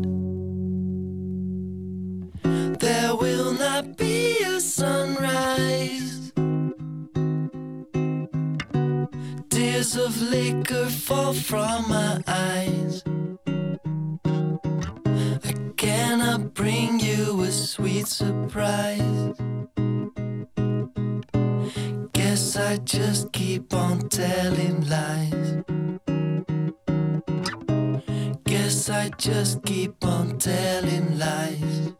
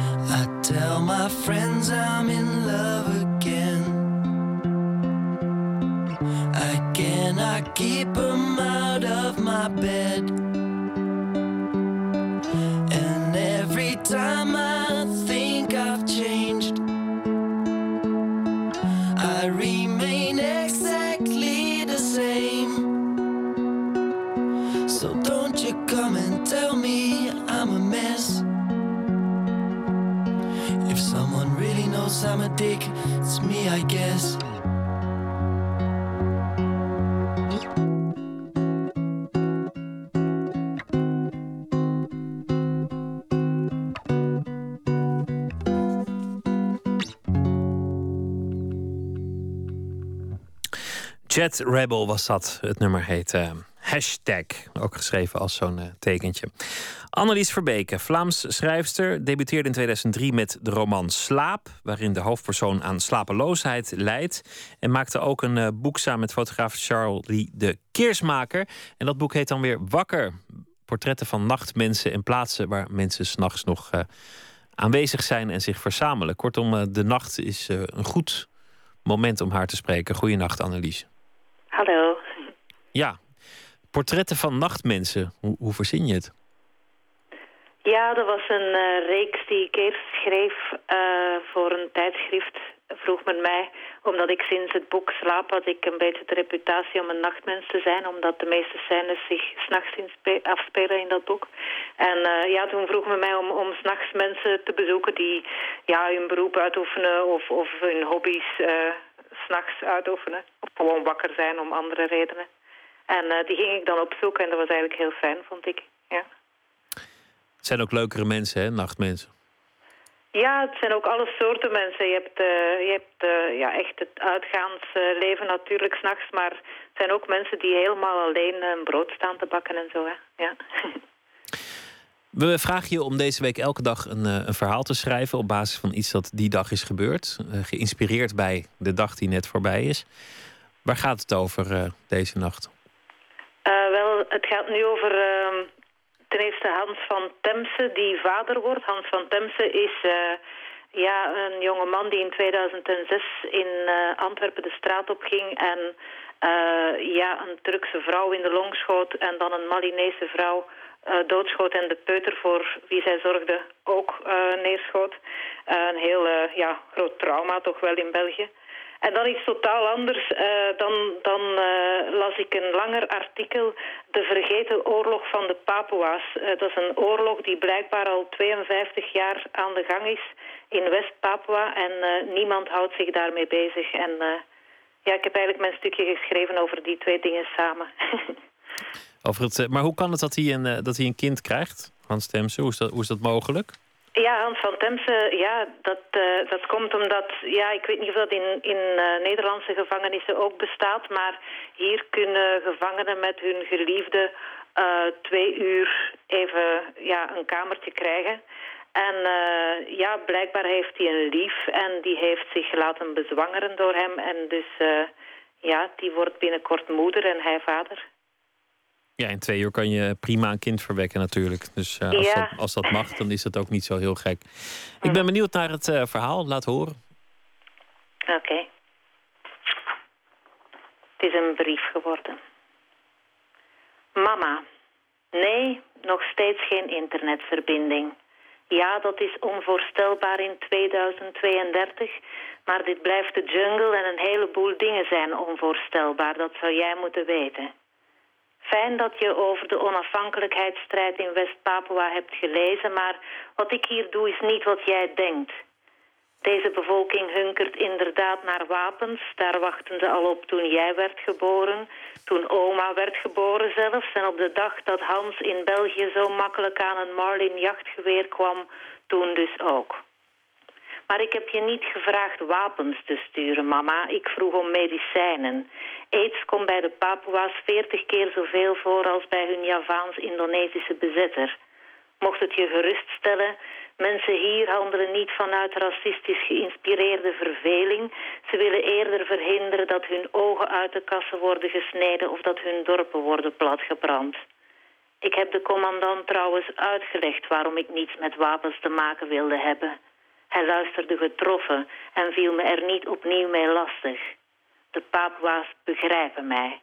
Het voedsel is erg vervuild, maar ik voel me hier thuis. Nee, ik schrijf Hans niet terug. Hou op over hoe ik op hem lijk. Vaak denk ik aan wat je die journalist vertelde toen je net zwanger was. Ik ben verliefd op hem. Ik heb daar niet zelf voor gekozen. Alsof jij wist wat dat was, ergens niet zelf voor kiezen. Aidsremmers dus. Hartelijk dank, je zoon. Ja, het is eh, inderdaad een mooi begin van je leven eh, als, je, als je vader zo'n daad heeft gedaan en in de gevangenis jou heeft verwekt. Ja, inderdaad. En zij zegt dat dus in dat interview ook van... eh, en, en dat is zoiets dat denk ik iedereen die eh, verliefd is geweest... anderzijds wel heeft eh, ooit gezegd van... ja, ik heb het niet zelf gekozen, het is mij overkomen. Maar aan de andere kant heeft ergens niet zelf voor kiezen... wel ja, een andere betekenis, vind ik, als je dan het kind van bent. Ja, zeker. Denk jij trouwens dat, dat liefde een, een, een keuze is? Wel, eh, ja, daar heb ik al heel verschillende dingen over gedacht. Ik heb ook wel eens eh, eh, ja, liefdes beleefd waarvan ik het gevoel had van dit is niet echt goed voor mij, maar ik heb geen keuze. Maar ja, ik denk dat ik ouder wordende daar iets nuchterder mee omspring of zo toch wel. Dat je ook schrap kunt zetten en je verweren tegen die verslavende gevoelens. Ja, en misschien komt het ook gewoon omdat het allemaal vanzelf een beetje goed gekomen is. Ja, misschien is het niet zo helemaal mijn verdienste of zo. Nee, en, lo- en los van verliefd, wat natuurlijk nog, nog eh, enigszins te begrijpen is misschien, eh, is dan de volgende vraag: moet je er ook meteen een kind aan vastplakken?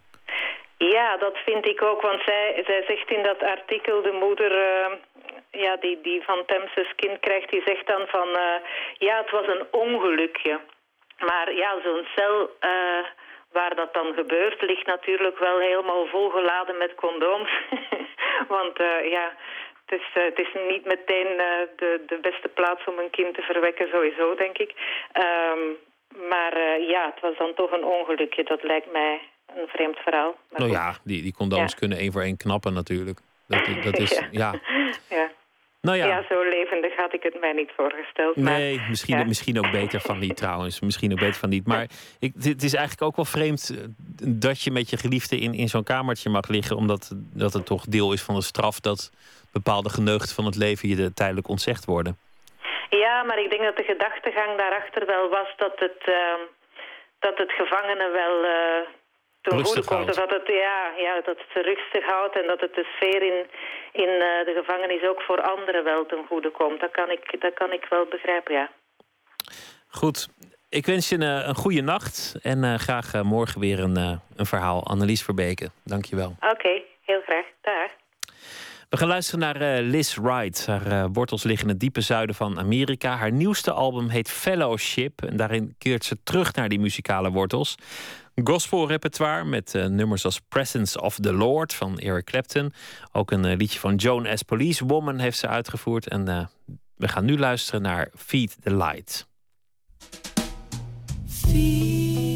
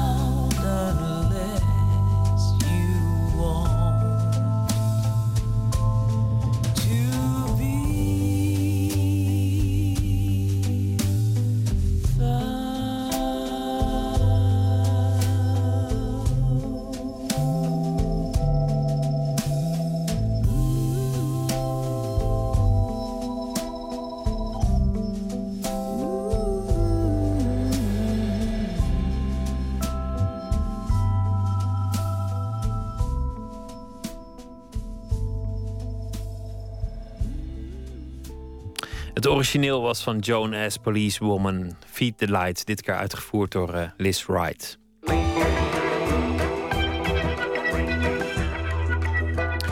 VPRO op Radio 1. Hoe doe je een goed voorstel? Vanuit die eenvoudige vraag werkt theatermaker Merel de Groot aan een voorstelling die vrijdag is te zien in Theater Bellevue in Amsterdam. Voor die voorstelling liep ze 500 kilometer door onze hoofdstad en door New York. Samen met voorhoedelopers. Dat zijn door haar geselecteerde inspirerende mensen die voorstellen kunnen doen voor de stad. Onze verslaggever Botte Jellema die mocht naar Langseuren meelopen op zo'n wandeling en ontmoette al daar architect Jan Bentem en aanjager van duurzaamheid Jupijn Hafmans. De wandeling begon op het dak van het theater. De trappetjes worden steeds smaller. mooi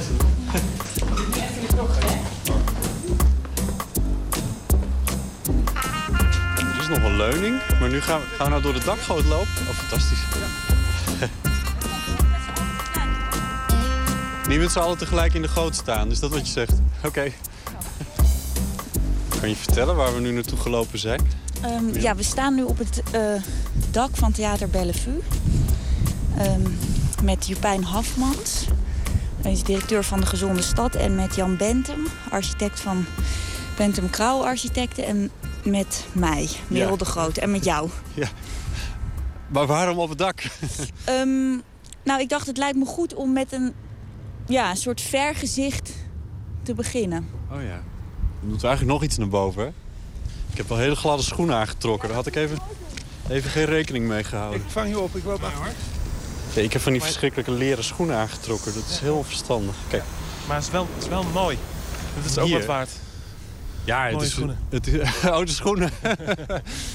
Nee, maar het, het, het- wat je wel merkt is dat het geluid... eh, wat, het is gewoon wat stiller. Je hebt wat meer afstand tot het, het, het rumoer in de stad. Ja. Dat is fijn. Dat is fijn. En dan, en dan zitten jullie hier met z'n tweeën? Ja, soms met z'n drieën. Of met meer mensen. En dan op een gegeven moment gaan we, lopen we van hier uit de stad in. Omdat ik eigenlijk wil weten wat, eh, ja, wat Jan en Jupijn zien in de stad. Wat hun, wat hun perspectief is. Ja. En eh, wat hun opvalt. Hun blik eigenlijk. En dat is eh, die beelden, die observaties... gekoppeld aan eh, ja, hun innerlijke beelden, herinneringen... of beelden voor de toekomst. Dat is eigenlijk mijn materiaal tot het, ja, om, om tot voorstellen te komen. Wat zijn, de, wat zijn de dingen die u opvallen? dat eh, je, als je op zo'n dak zit, dat je ziet dat eh, er eigenlijk nog heel veel ongebruikte ruimte in de stad is. En daar moet ook veel meer, want daar zullen we nog eeuwen mee moeten doen met die stad. Hè? Eh, dit is wel de toekomst. En eh, de, de mensen gaan toch allemaal in de stad wonen. En eh, ook in deze stad wonen. En die is echt niet af. Hij ziet er netjes uit, maar hij is nog niet af. Hij is absoluut niet af. nou, en hij is ook nooit, hij is altijd klaar nooit af. Altijd klaar, nooit af. Ik heb daar een beeld bij. Ik fiets namelijk net hier naartoe. Eh, ik woon in de Eerste Jan Steenstraat op dit moment nog. En er zat een vrouw rokend met het raampje open. En volgens mij Radio 1, of weet ik niet. Ehm, een, een briefje met hele kleine letters te lezen, leunend te- tegen, de, tegen de deur van binnenuit. En zij woonde eigenlijk in die auto. Gisteren dacht nog wat absurd eigenlijk dat, dat al die lege fietsen en al die lege auto's en al die gereserveerde ruimtes eigenlijk de hele tijd klaarstaan in de stad en, en meer tijd aan het wachten zijn om gebruikt te worden dan dat ze gebruikt worden. Er wordt natuurlijk heel veel ruimte in de stad in bezit genomen door eh, stilstaande lege auto's. En eh, dat, dat is misschien wel de grootste verspilling van ruimte. Die, eh, en, en, en ook het grootste potentieel wat er in de stad nog aan ruimte te vinden is.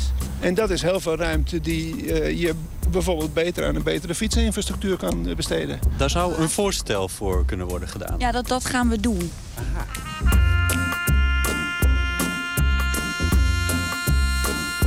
Laten we naar beneden gaan lopen. Door de stad gaan lopen. Want dat is het leuke. We kunnen even meemaken hoe Merel jij eh, onderzoek doet. Hoe je Ja, rep- repeteren. repeteert in feite. Door gewoon door de stad te lopen. En nu moeten we van dit buitengewoon schuine dak...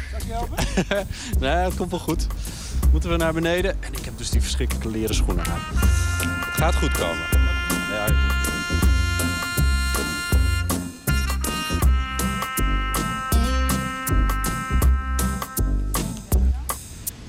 Merel, we zijn bij Bellevue uitgelopen. We lopen nu over de Leidskade, is dit geloof ik, hè?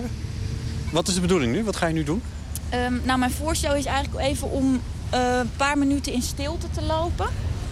Eh, en dat is zodat het gesprek niet vanuit... eh, ja, dat je je perspectief niet hoeft te verkopen of hoeft te, reclame hoeft te maken... maar dat je echt kunt, vanuit wat je ziet met elkaar kunt denken en spreken. Ik ga even aan de voorhoedelopers vragen of zij eh, akkoord zijn met dit voorstel. Je doet een Jongens, voorstel. Ja, ik heb even een voorstel. Ehm, of we even in vijf minuten in stilte kunnen lopen.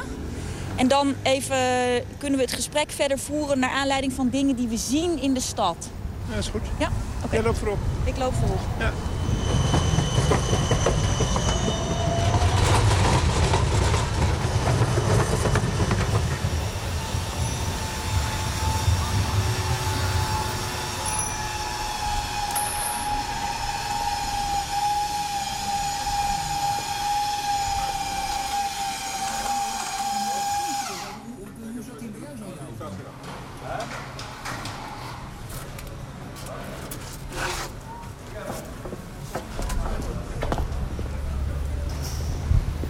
Mogen weer praten. Ja, nu vraag ik normaal eh, aan Jan of Jupijn, wat heb je gezien? Maar jij bent de journalist nu.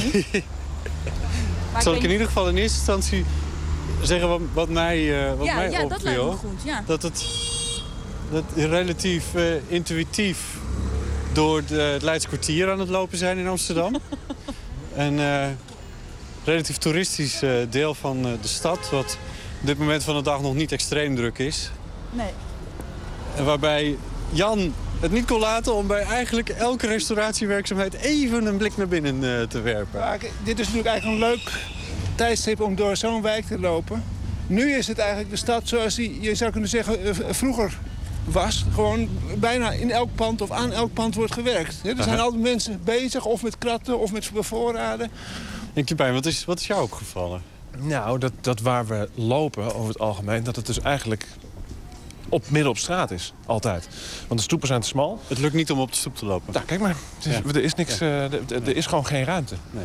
En dit, dat heeft te maken gewoon met inrichting. Dus de ruimte is zo ingericht dat eh, auto's erdoor kunnen.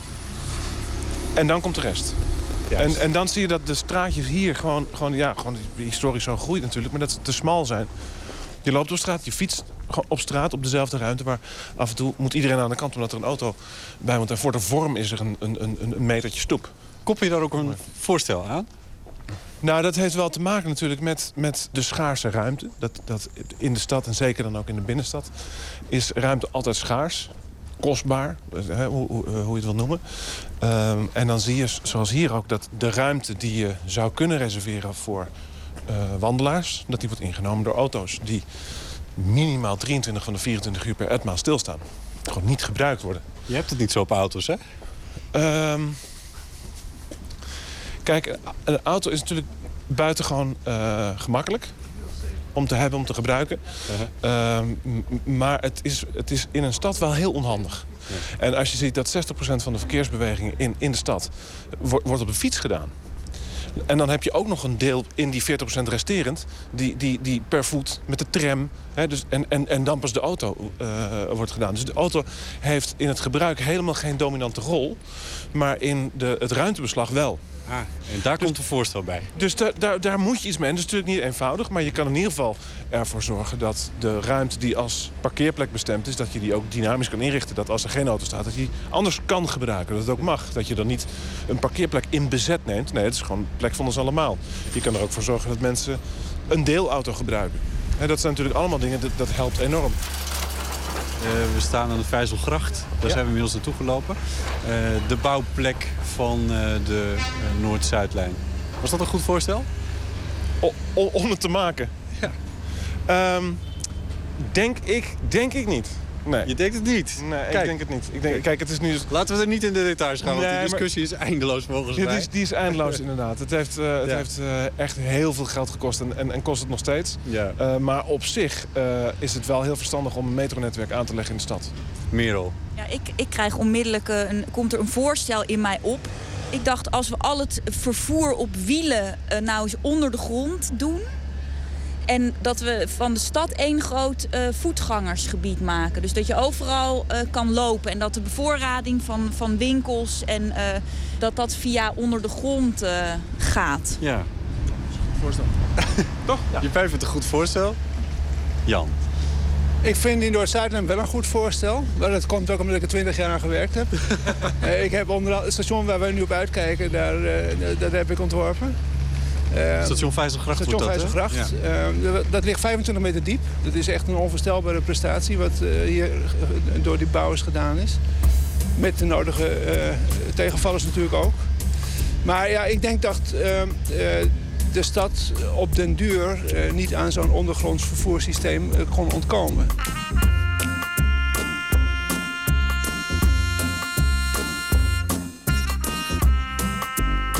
Een van onze wandelingen was een wandeling van twee uur door alle theaters.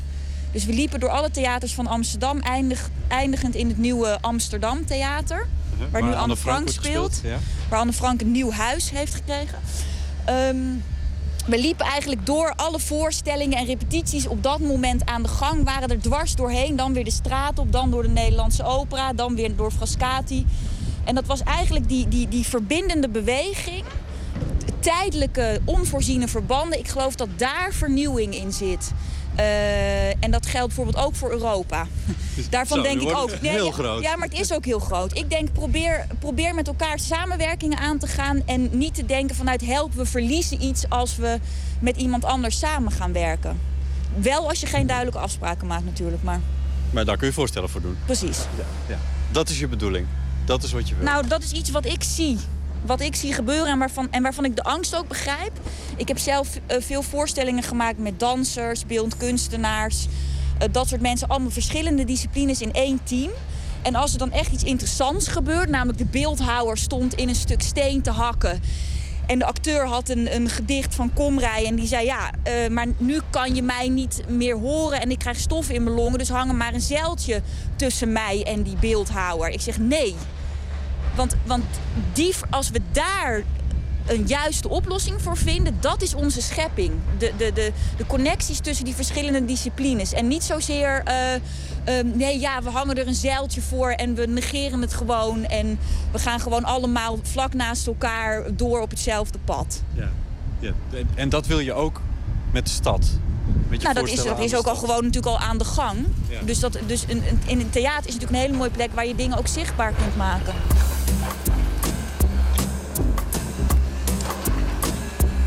Het doen van een voorstel is één grote paradox. Sowieso, net als het leven zelf. Want als ik dit zeg, dan zegt Jan dat. Weet je, als, en, daar, en dat is ook waar. Ja.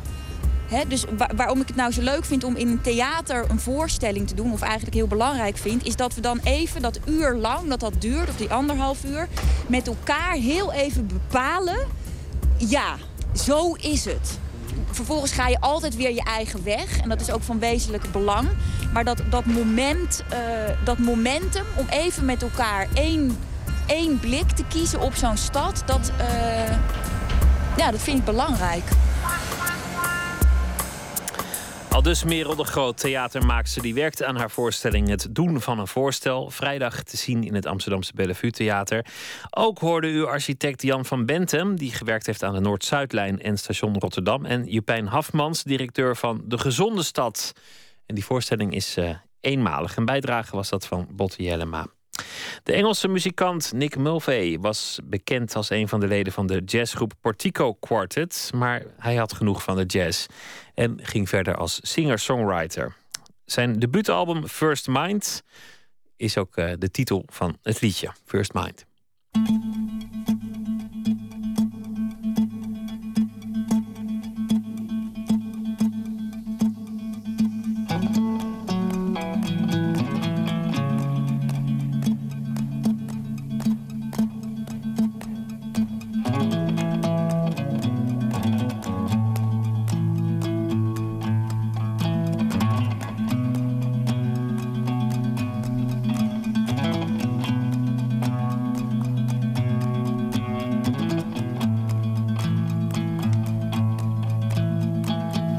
Late in the evening, I think upon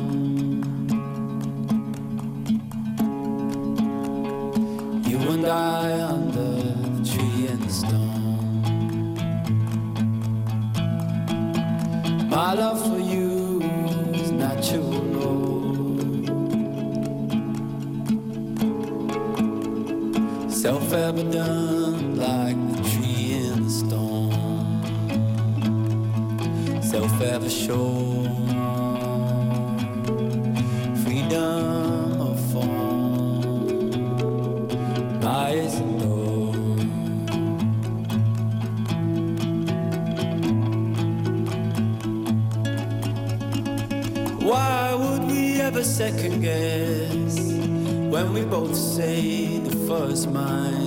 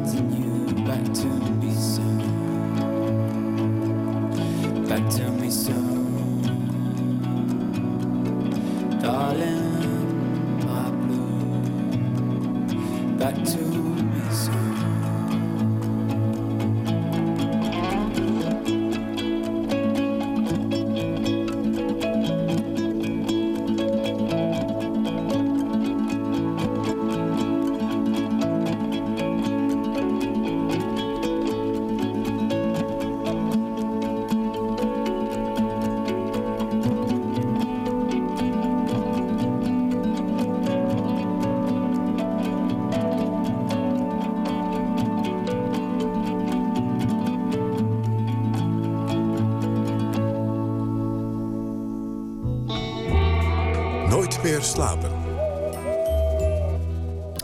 Nog eh, drie nachten en dan speelt het Braziliaanse elftal de eerste WK-wedstrijd tegen Kroatië in Sao Paulo. De Braziliaanse spelers zullen zich tijdens het toernooi verplaatsen in een bijzonder vliegtuig. Dat is namelijk beschilderd door Braziliaanse graffiti-artiesten. En eh, in Sao Paulo is correspondent Katie Sheriff. Goeienacht. Goedenacht. Goeie avond voor jou waarschijnlijk. Eh, vertel eens over dat toestel. Heb je, heb je het al gezien? Ik heb het zelf niet gezien, maar een vriendin van me heeft hem eh, in Brazilia zien landen. En eh, ze zei dat het wel echt eh, een hele bijzondere ervaring was. Het is helemaal beschilderd door de Orgemios. Dat is een, een kunstenaarsduo hier uit Sao Paulo, de tweeling. En ja, het is helemaal beschilderd met hun kenmerkende figuurtjes, met gele gezichten. Na het WK wordt het vliegtuig ook als passagierstoestel ingezet. Dus wie weet dat ik er dan ooit eens in zal zitten. Die artiesten, daar zit een bijzonder verhaal aan, vast. Wie, wie zijn dat? Ja, dat is de tweeling eh, Gustavo en Ottavio Pandolfo. Ehm, zij komen hier uit Sao Paulo en begin jaren negentig zijn ze op straat begonnen als graffiteros, zoals ze dat hier noemen. En eh, ze hebben heel kleurrijk werk, heel opvallend. En ze zijn inmiddels uitgegroeid tot internationaal erkende kunstenaars. Ze werken nu heel veel in opdracht. Eh, misschien heb je wel eens werken van ze gezien, want ze zijn in Lissabon te zien, in Berlijn, New York. Zelfs in Nederland schijnt in Ik heb het zelf nooit gezien, op het Schelmenhofje schijnt ook een groot werk van ze te zien te zijn. En ze hebben ook al een enorme expositie gehad een paar jaar terug in de Tate Modern in Londen. Dus ze behoren helemaal tot de kunstwereld. Mag dat wel voor, voor- van de graffiti-fundamentalisten? Want het moet toch juist in de openbare ruimte. Het het is een beetje gek om dat in een museum Ja. te doen.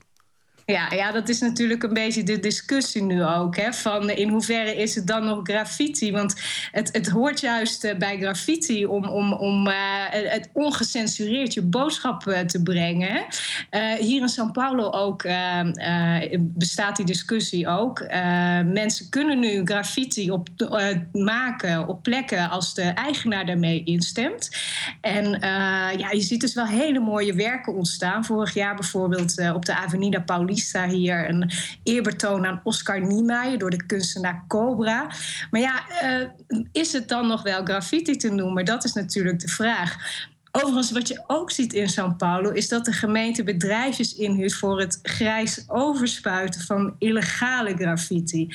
En er is een, eh, een documentaire eind vorig jaar over uitgekomen hier in Brazilië, waar eh, het groot werk van Ogemios, Nunca en Nina, dat, waren drie, eh, dat zijn grote kunstenaars hier, dat was overgeschilderd helemaal in het grijs. Dat was een foutje van de gemeente. Nou, ze hebben weer een, een nieuw kunstwerk op, op die plek mogen maken. Maar eind mei is dit weer gebeurd. Weer met een kunstwerk van Nunca aan dezelfde weg. Een enorm werk wat al jaren daar stond. Dat is voor de helft overgespoten. En ja, blijkbaar op de, op de helft bedachten de mensen... of is iemand langsgekomen die zei... oh, dat is kunst, dat, eh, dat kan niet. Nou ja, die kunstenaar Nunca is ontzettend woest. Het, is dus een, dus het, het schuurt hier. Aan de ene kant heb je dus eh, eh, kunstwerken die legaal gemaakt worden in overleg. Aan de andere kant nog steeds graffiteros die eh, wel illegaal dingen plaatsen. Maar daar probeert de gemeente dus wel eh, tegen in te gaan. Hoe kan het dat Sao Paulo ehm, wereldwijd wordt gezien als een centrum van, van de graffiti-kunst? Dat juist die graffiti zo beroemd is geworden? Nou ja, ik denk, Sao Paulo is een betonnen jungle. Eh, je bent er zelf ook geweest, hè? En, Ja, eh, ja, het is een, een stad waar je niet, tenminste ik niet, op het eerste gezicht verliefd op werd. Eh, je moet het leren kennen, deze stad.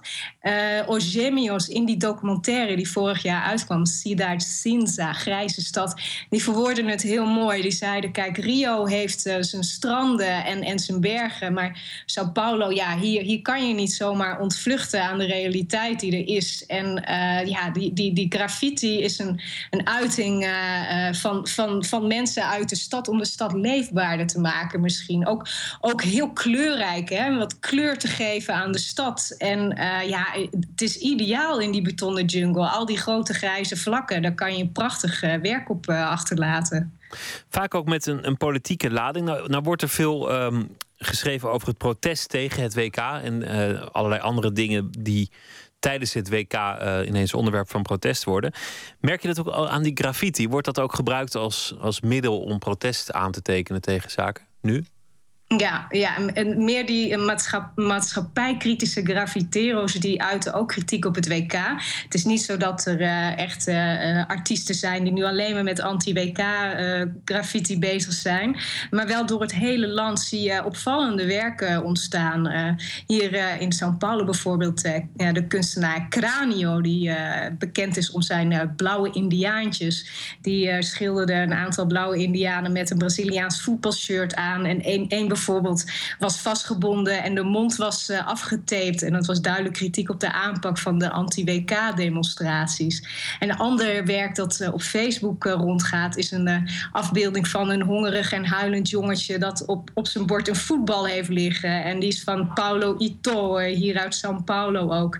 En die, die had ook een ander sterk beeld in Fortaleza laatst... waar de vrees is voor toename van kinderprostitutie tijdens het WK. Daar zag je een, een blonde oudere man met een fototoestel om... en die geeft een pop aan een klein meisje... terwijl die achter zijn rug een, een, een roos verbergt. En nou, het zijn dus sterke beelden die, eh, ja, die in, in stilte kritiek... op die negatieve kanten van het WK uiten.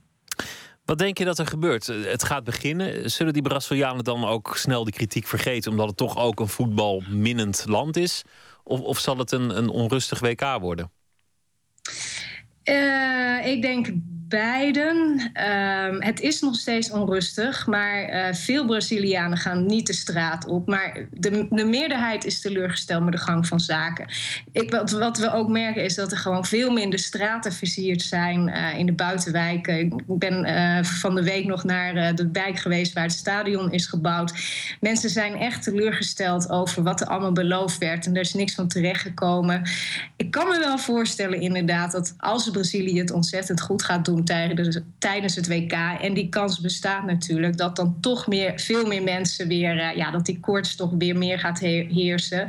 Maar ook zullen ook die protesten zullen zeker eh, of niet, misschien niet heel groot, maar misschien wel veel aandacht krijgen, omdat ze gewelddadig kunnen worden. En dat is dus wel een, een, een zorg. Hoe, hoe gaat zich dat, hoe gaat zich dat eh, verhouden en hoe gaat de politie daar ook op reageren? Dat is wel een zorg. Ja, en in Sao Paulo is het verkeer natuurlijk ook een, een enorme zorg. Want je komt normaal al niet van punt A naar punt B. Nee. en nu hebben we er ook nog een metrostaking bij die nog steeds niet is afgelopen. Waar iedereen zijn eh, hart voor vasthoudt dat het eh, wel voor donderdag, wanneer het WK hier begint, eindelijk eh, afgelopen zal zijn. Nou, wat, wat staat er eigenlijk op het vliegtuig? Wat hebben ze voor figuren erop geschilderd? Het zijn eh, van die gele mannetjes waar de Ozemios, de tweeling, om, eh, om bekend zijn. Eh, en ja, het, het, het ziet er eigenlijk uit als een, als een volle tribune in het stadion. Het ziet er eh, totaal niet anti-WK natuurlijk. Dat was natuurlijk niet mogelijk. Dus het is vooral een heel vrolijk toestel geworden. En het moet ook een eh, vrolijk WK worden. Katie Sheriff, eh, veel plezier komende weken eh, daar in eh, Sao Paulo. En dankjewel. Graag gedaan.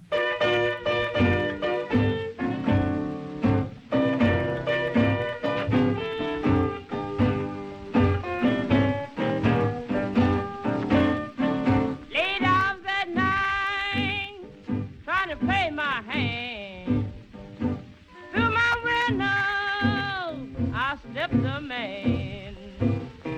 I didn't know no better. Oh boy, and my dear.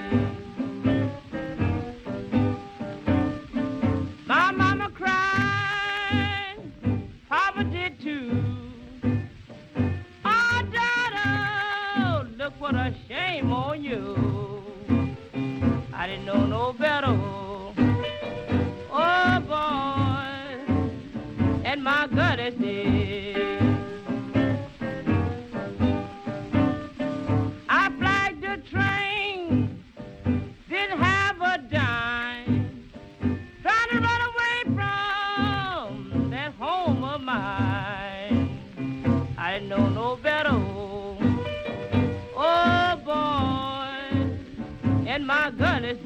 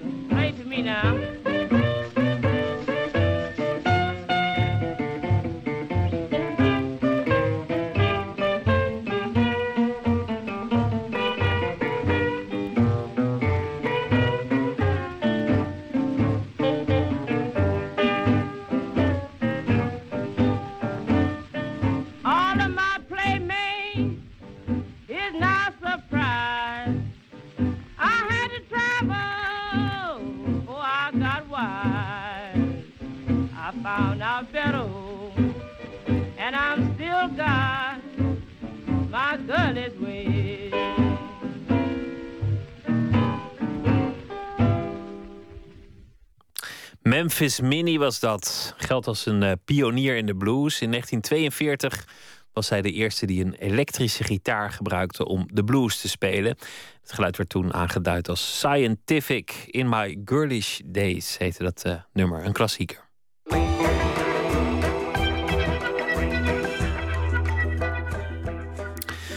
Morgen begint eh, Poetry International, het jaarlijkse internationale poëziefestival in Rotterdam. Op de openingsavond is onder meer dichter Misha Hamel te horen, die zijn gedichten voorleest op speciaal daarvoor gecomponeerde muziek van de Griekse componiste Aspasia Nasopoulou. Uitgevoerd door het Doelenkwartet. Tjitske Mussen mocht bij de repetitie zijn. Micha Hamel, we zitten hier in Rotterdam in het Goethe-instituut... waar zometeen een repetitie gaat plaatsvinden van een project. Uh, op basis van gedichten van jou is muziek gemaakt... door de Griekse componiste Aspasia Nasopoulou. Um, wat gaan we zo horen? Nou, een soort... Uh, um, een werk waarin ik als dichter optreed... met mijn eigen gedichten in een cyclus die gaat eigenlijk over schrijverschap. Over uh, de boog van het idee, de poging, de arbeid en uiteindelijk uh, het resultaat. En dat, zijn, dat, dat heet Nachtwerk, het, het project, of heet de cyclus ook zo? De cyclus heet Nachtwerk omdat het belangrijkste gedicht eh, dat Nachtwerk heet... gaat over wat het eigenlijk is om te scheppen. En dat eh, heb ik in een soort metafoor gevat van een eh, professor... die op een soort hele geheimzinnige wijze in een duikerklok op de zeebodem... op de rivierbodem iets aan het, eh, in elkaar aan het zetten is... met een soort, soort geheimzinnige machine. Heb je het stuk al gehoord? Ja, we hebben één keer eerder al gerepeteerd, een hele ochtend. En, eh, en eh, ja, repeteren is gewoon eh, knutselen, hè. Gewoon heel, dat is ons, ons werk. Leuk, een beetje, beetje, jij bent te vroeg, jij bent te laat. Ik wil harder, jij mag zachter. Nou, ja, leuk.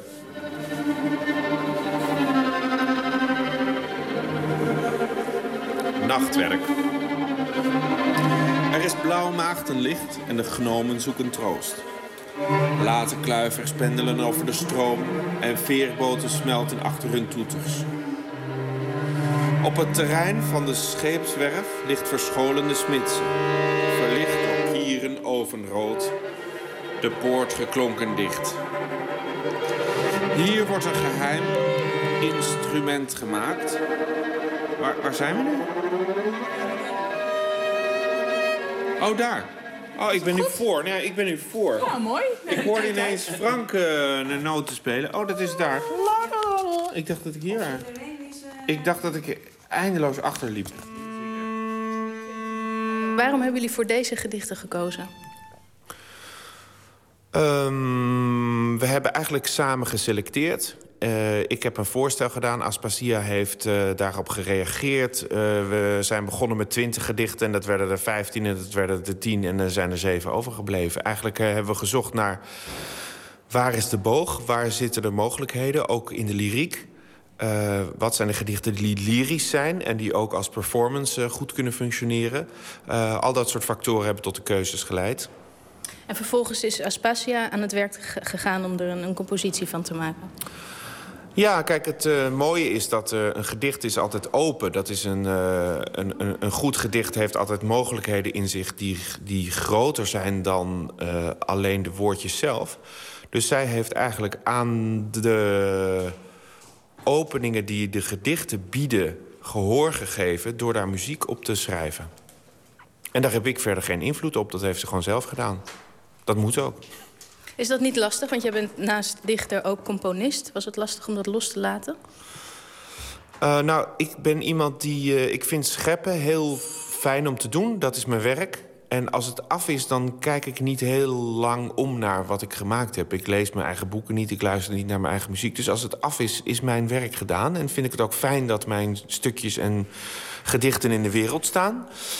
En uh, dan moet je ook uh, zeg maar accepteren, of ik moet zeggen, dat includeert ook dat, dat mensen er iets mee kunnen gaan doen.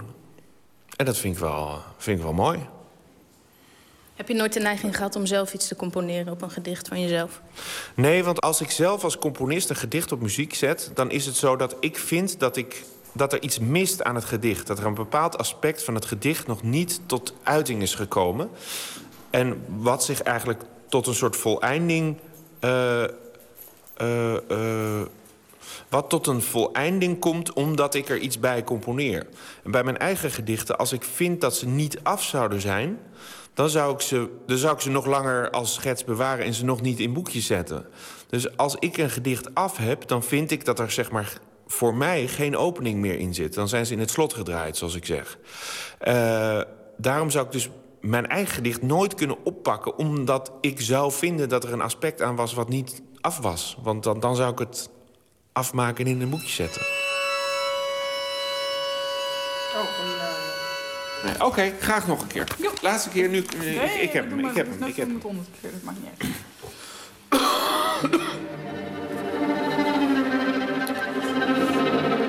Nachtwerk. Er is blauw maagdenlicht en de gnomen zoeken troost. Late kluivers pendelen over de stroom en vierboten smelten achter hun toeters. Op het terrein van de scheepswerf ligt verscholen de smidse, verlicht door kieren ovenrood. De poort geklonken dicht. Hier wordt een geheim instrument gemaakt dat van uiterst poëtisch leed de trilling meet en mogelijk kan doorzien.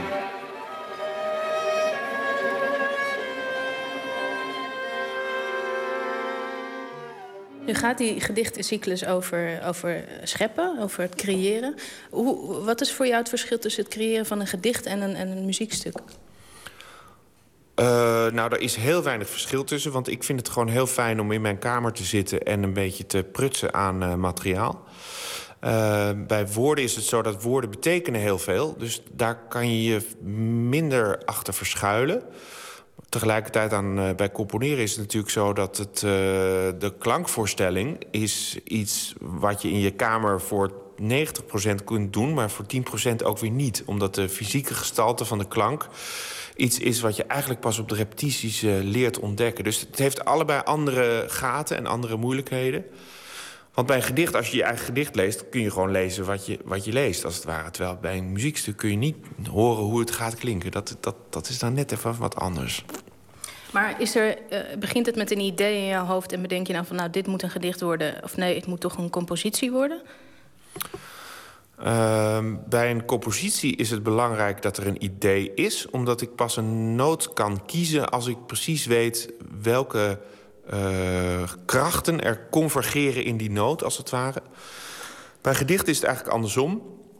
Bij gedichten is het uh, heel uh, slecht als je een idee hebt van tevoren. Want dan weet je al wat je wil zeggen. Terwijl je moet eigenlijk altijd dichten met, uh, met een diepere stem... die je in jezelf hebt, die je zelf ook nog niet kent. Want anders heb je zeg maar, in, je, in je hoofd al een gedicht af... waar je dan vervolgens naartoe gaat schrijven. Terwijl je moet eigenlijk dat schrijven zelf het gebeuren laten zijn. En dat is, de, dat, dat is wat er lastig is aan, uh, aan gedichten schrijven. Want je kan er niet echt een plannetje voor verzinnen... maar je kan wel zeg maar, op je hondenneus uh, de goede weg uitsnuffelen. Dat is, dat is eigenlijk een veel intuïtiever proces. Smeltkroes giet de hoorn van goud. De zesde winding van katoen. Van ivoor de even stemschroeven en veertien zwelkastjes van balsa hout. Vannacht glijdt aan lier omlaag in duikerklok de professor. Er is een, nu een zwaartepunt op, de, op het performance karakter van de gedichten. Maar dat moet ook, want we gaan het performen. Dus het is sowieso een ander dingetje dan een leesgedicht geworden. Ja, hoe anders? Hoe gaat dat performen plaatsvinden? Wat ga je doen? Uh, nou, kijk, bij performen is het zo dat uh, je in één keer moet begrijpen waar het gedicht over gaat. Dus je moet veel duidelijker zijn. Terwijl in het lezen of in het gelezen worden kun je... Uh, is, dat is mysterieuzer. Dus kun je ook op meerdere lagen tegelijk gaan zitten. Terwijl als je als performer moet je één laag kiezen. Moet je één weg kiezen. één adem of één bepaalde betekenislijn die je wil neerzetten. Dus het is wat... Het is iets nauwer, gek genoeg, vind ik. Maar ik schrijf ook, ik schrijf ook wel uh, gedichten die uh, performance kunnen hebben. Uh, maar ik vind het ook fijn om gelezen te worden. En gelukkig word ik ook gelezen, dus. Roeierslaven halen de loden ankers op. Weerloos gehoorzamend het meervoudig licht. Jonge turnsters slapen met hun coaches. De nacht spoelt half aan wal. Aan wal,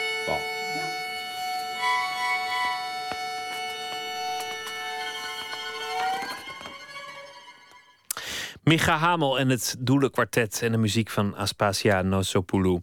Morgen te horen tijdens de opening van Poetry International in de Schouwburg in Rotterdam. En later dit jaar gaan ze samen op tournee. En uh, nog 50 andere dichters zijn uh, deze week te gast op Poetry International. Meer informatie daarover op poetry.nl. We hebben nog uh, tijd voor uh, muziek. Bob Dylan. Niet uh, de Bob Dylan uit de jaren 60, maar de Bob Dylan uit de jaren 70. Bob Dylan als popster, Bob Dylan met een hoed. Nou ja, gewoon, ja, Bob Dylan. Sarah.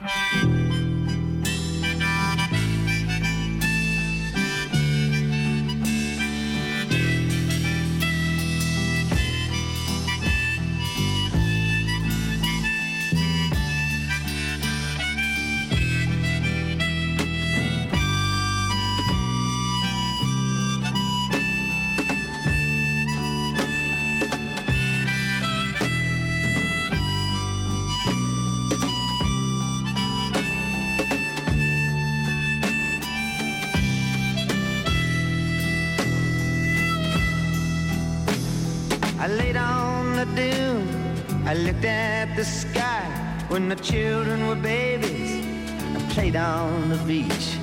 You came up behind me, I saw you go by. You were always so close, still within reach. Sarah, Sarah, whatever made you wanna change your mind? Sarah, Sarah, so easy look so hard to define. I can still see them playing with their pails in the sand. They run to the water, their buckets to fill. I can still see the shells falling out of their hands as they follow each other back up the hill. Sarah, sweet virgin angel, sweet love of my life. Sarah, Sarah, radiant jewel, a mystical wife. Sleeping in the woods by a fire in the night, drinking white rum in a Portugal bar. Them playing leapfrog and hearing about Snow White. Marketplace in Savannah, Lamar.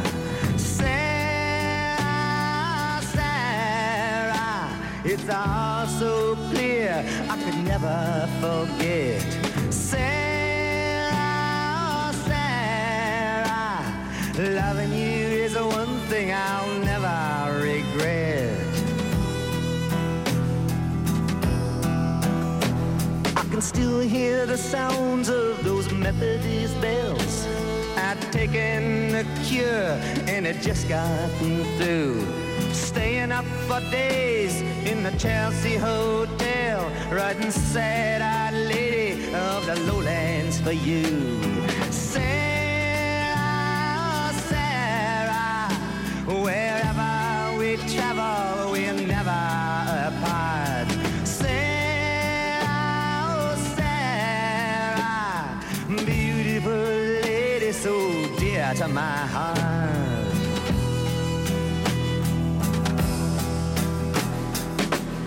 did I meet you? I don't know. A messenger sent me in a tropical storm.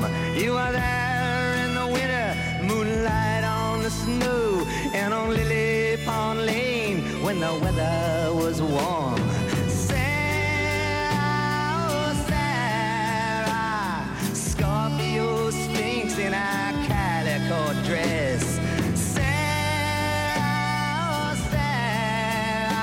You must forgive me my unworthiness. Now the beach is deserted except for some kelp and a piece of an old ship that lies on the shore. You always responded when I needed your help. You gave me a map and a key to your door.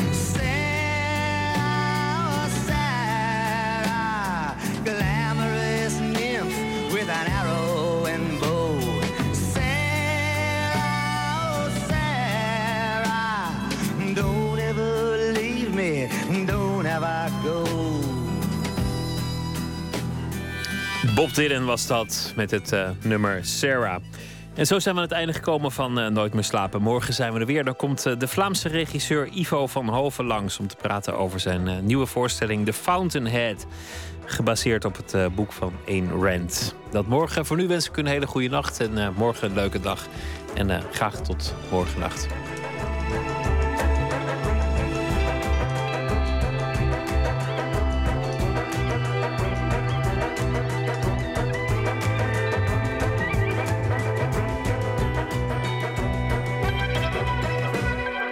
Radio 1, het nieuws van alle kanten.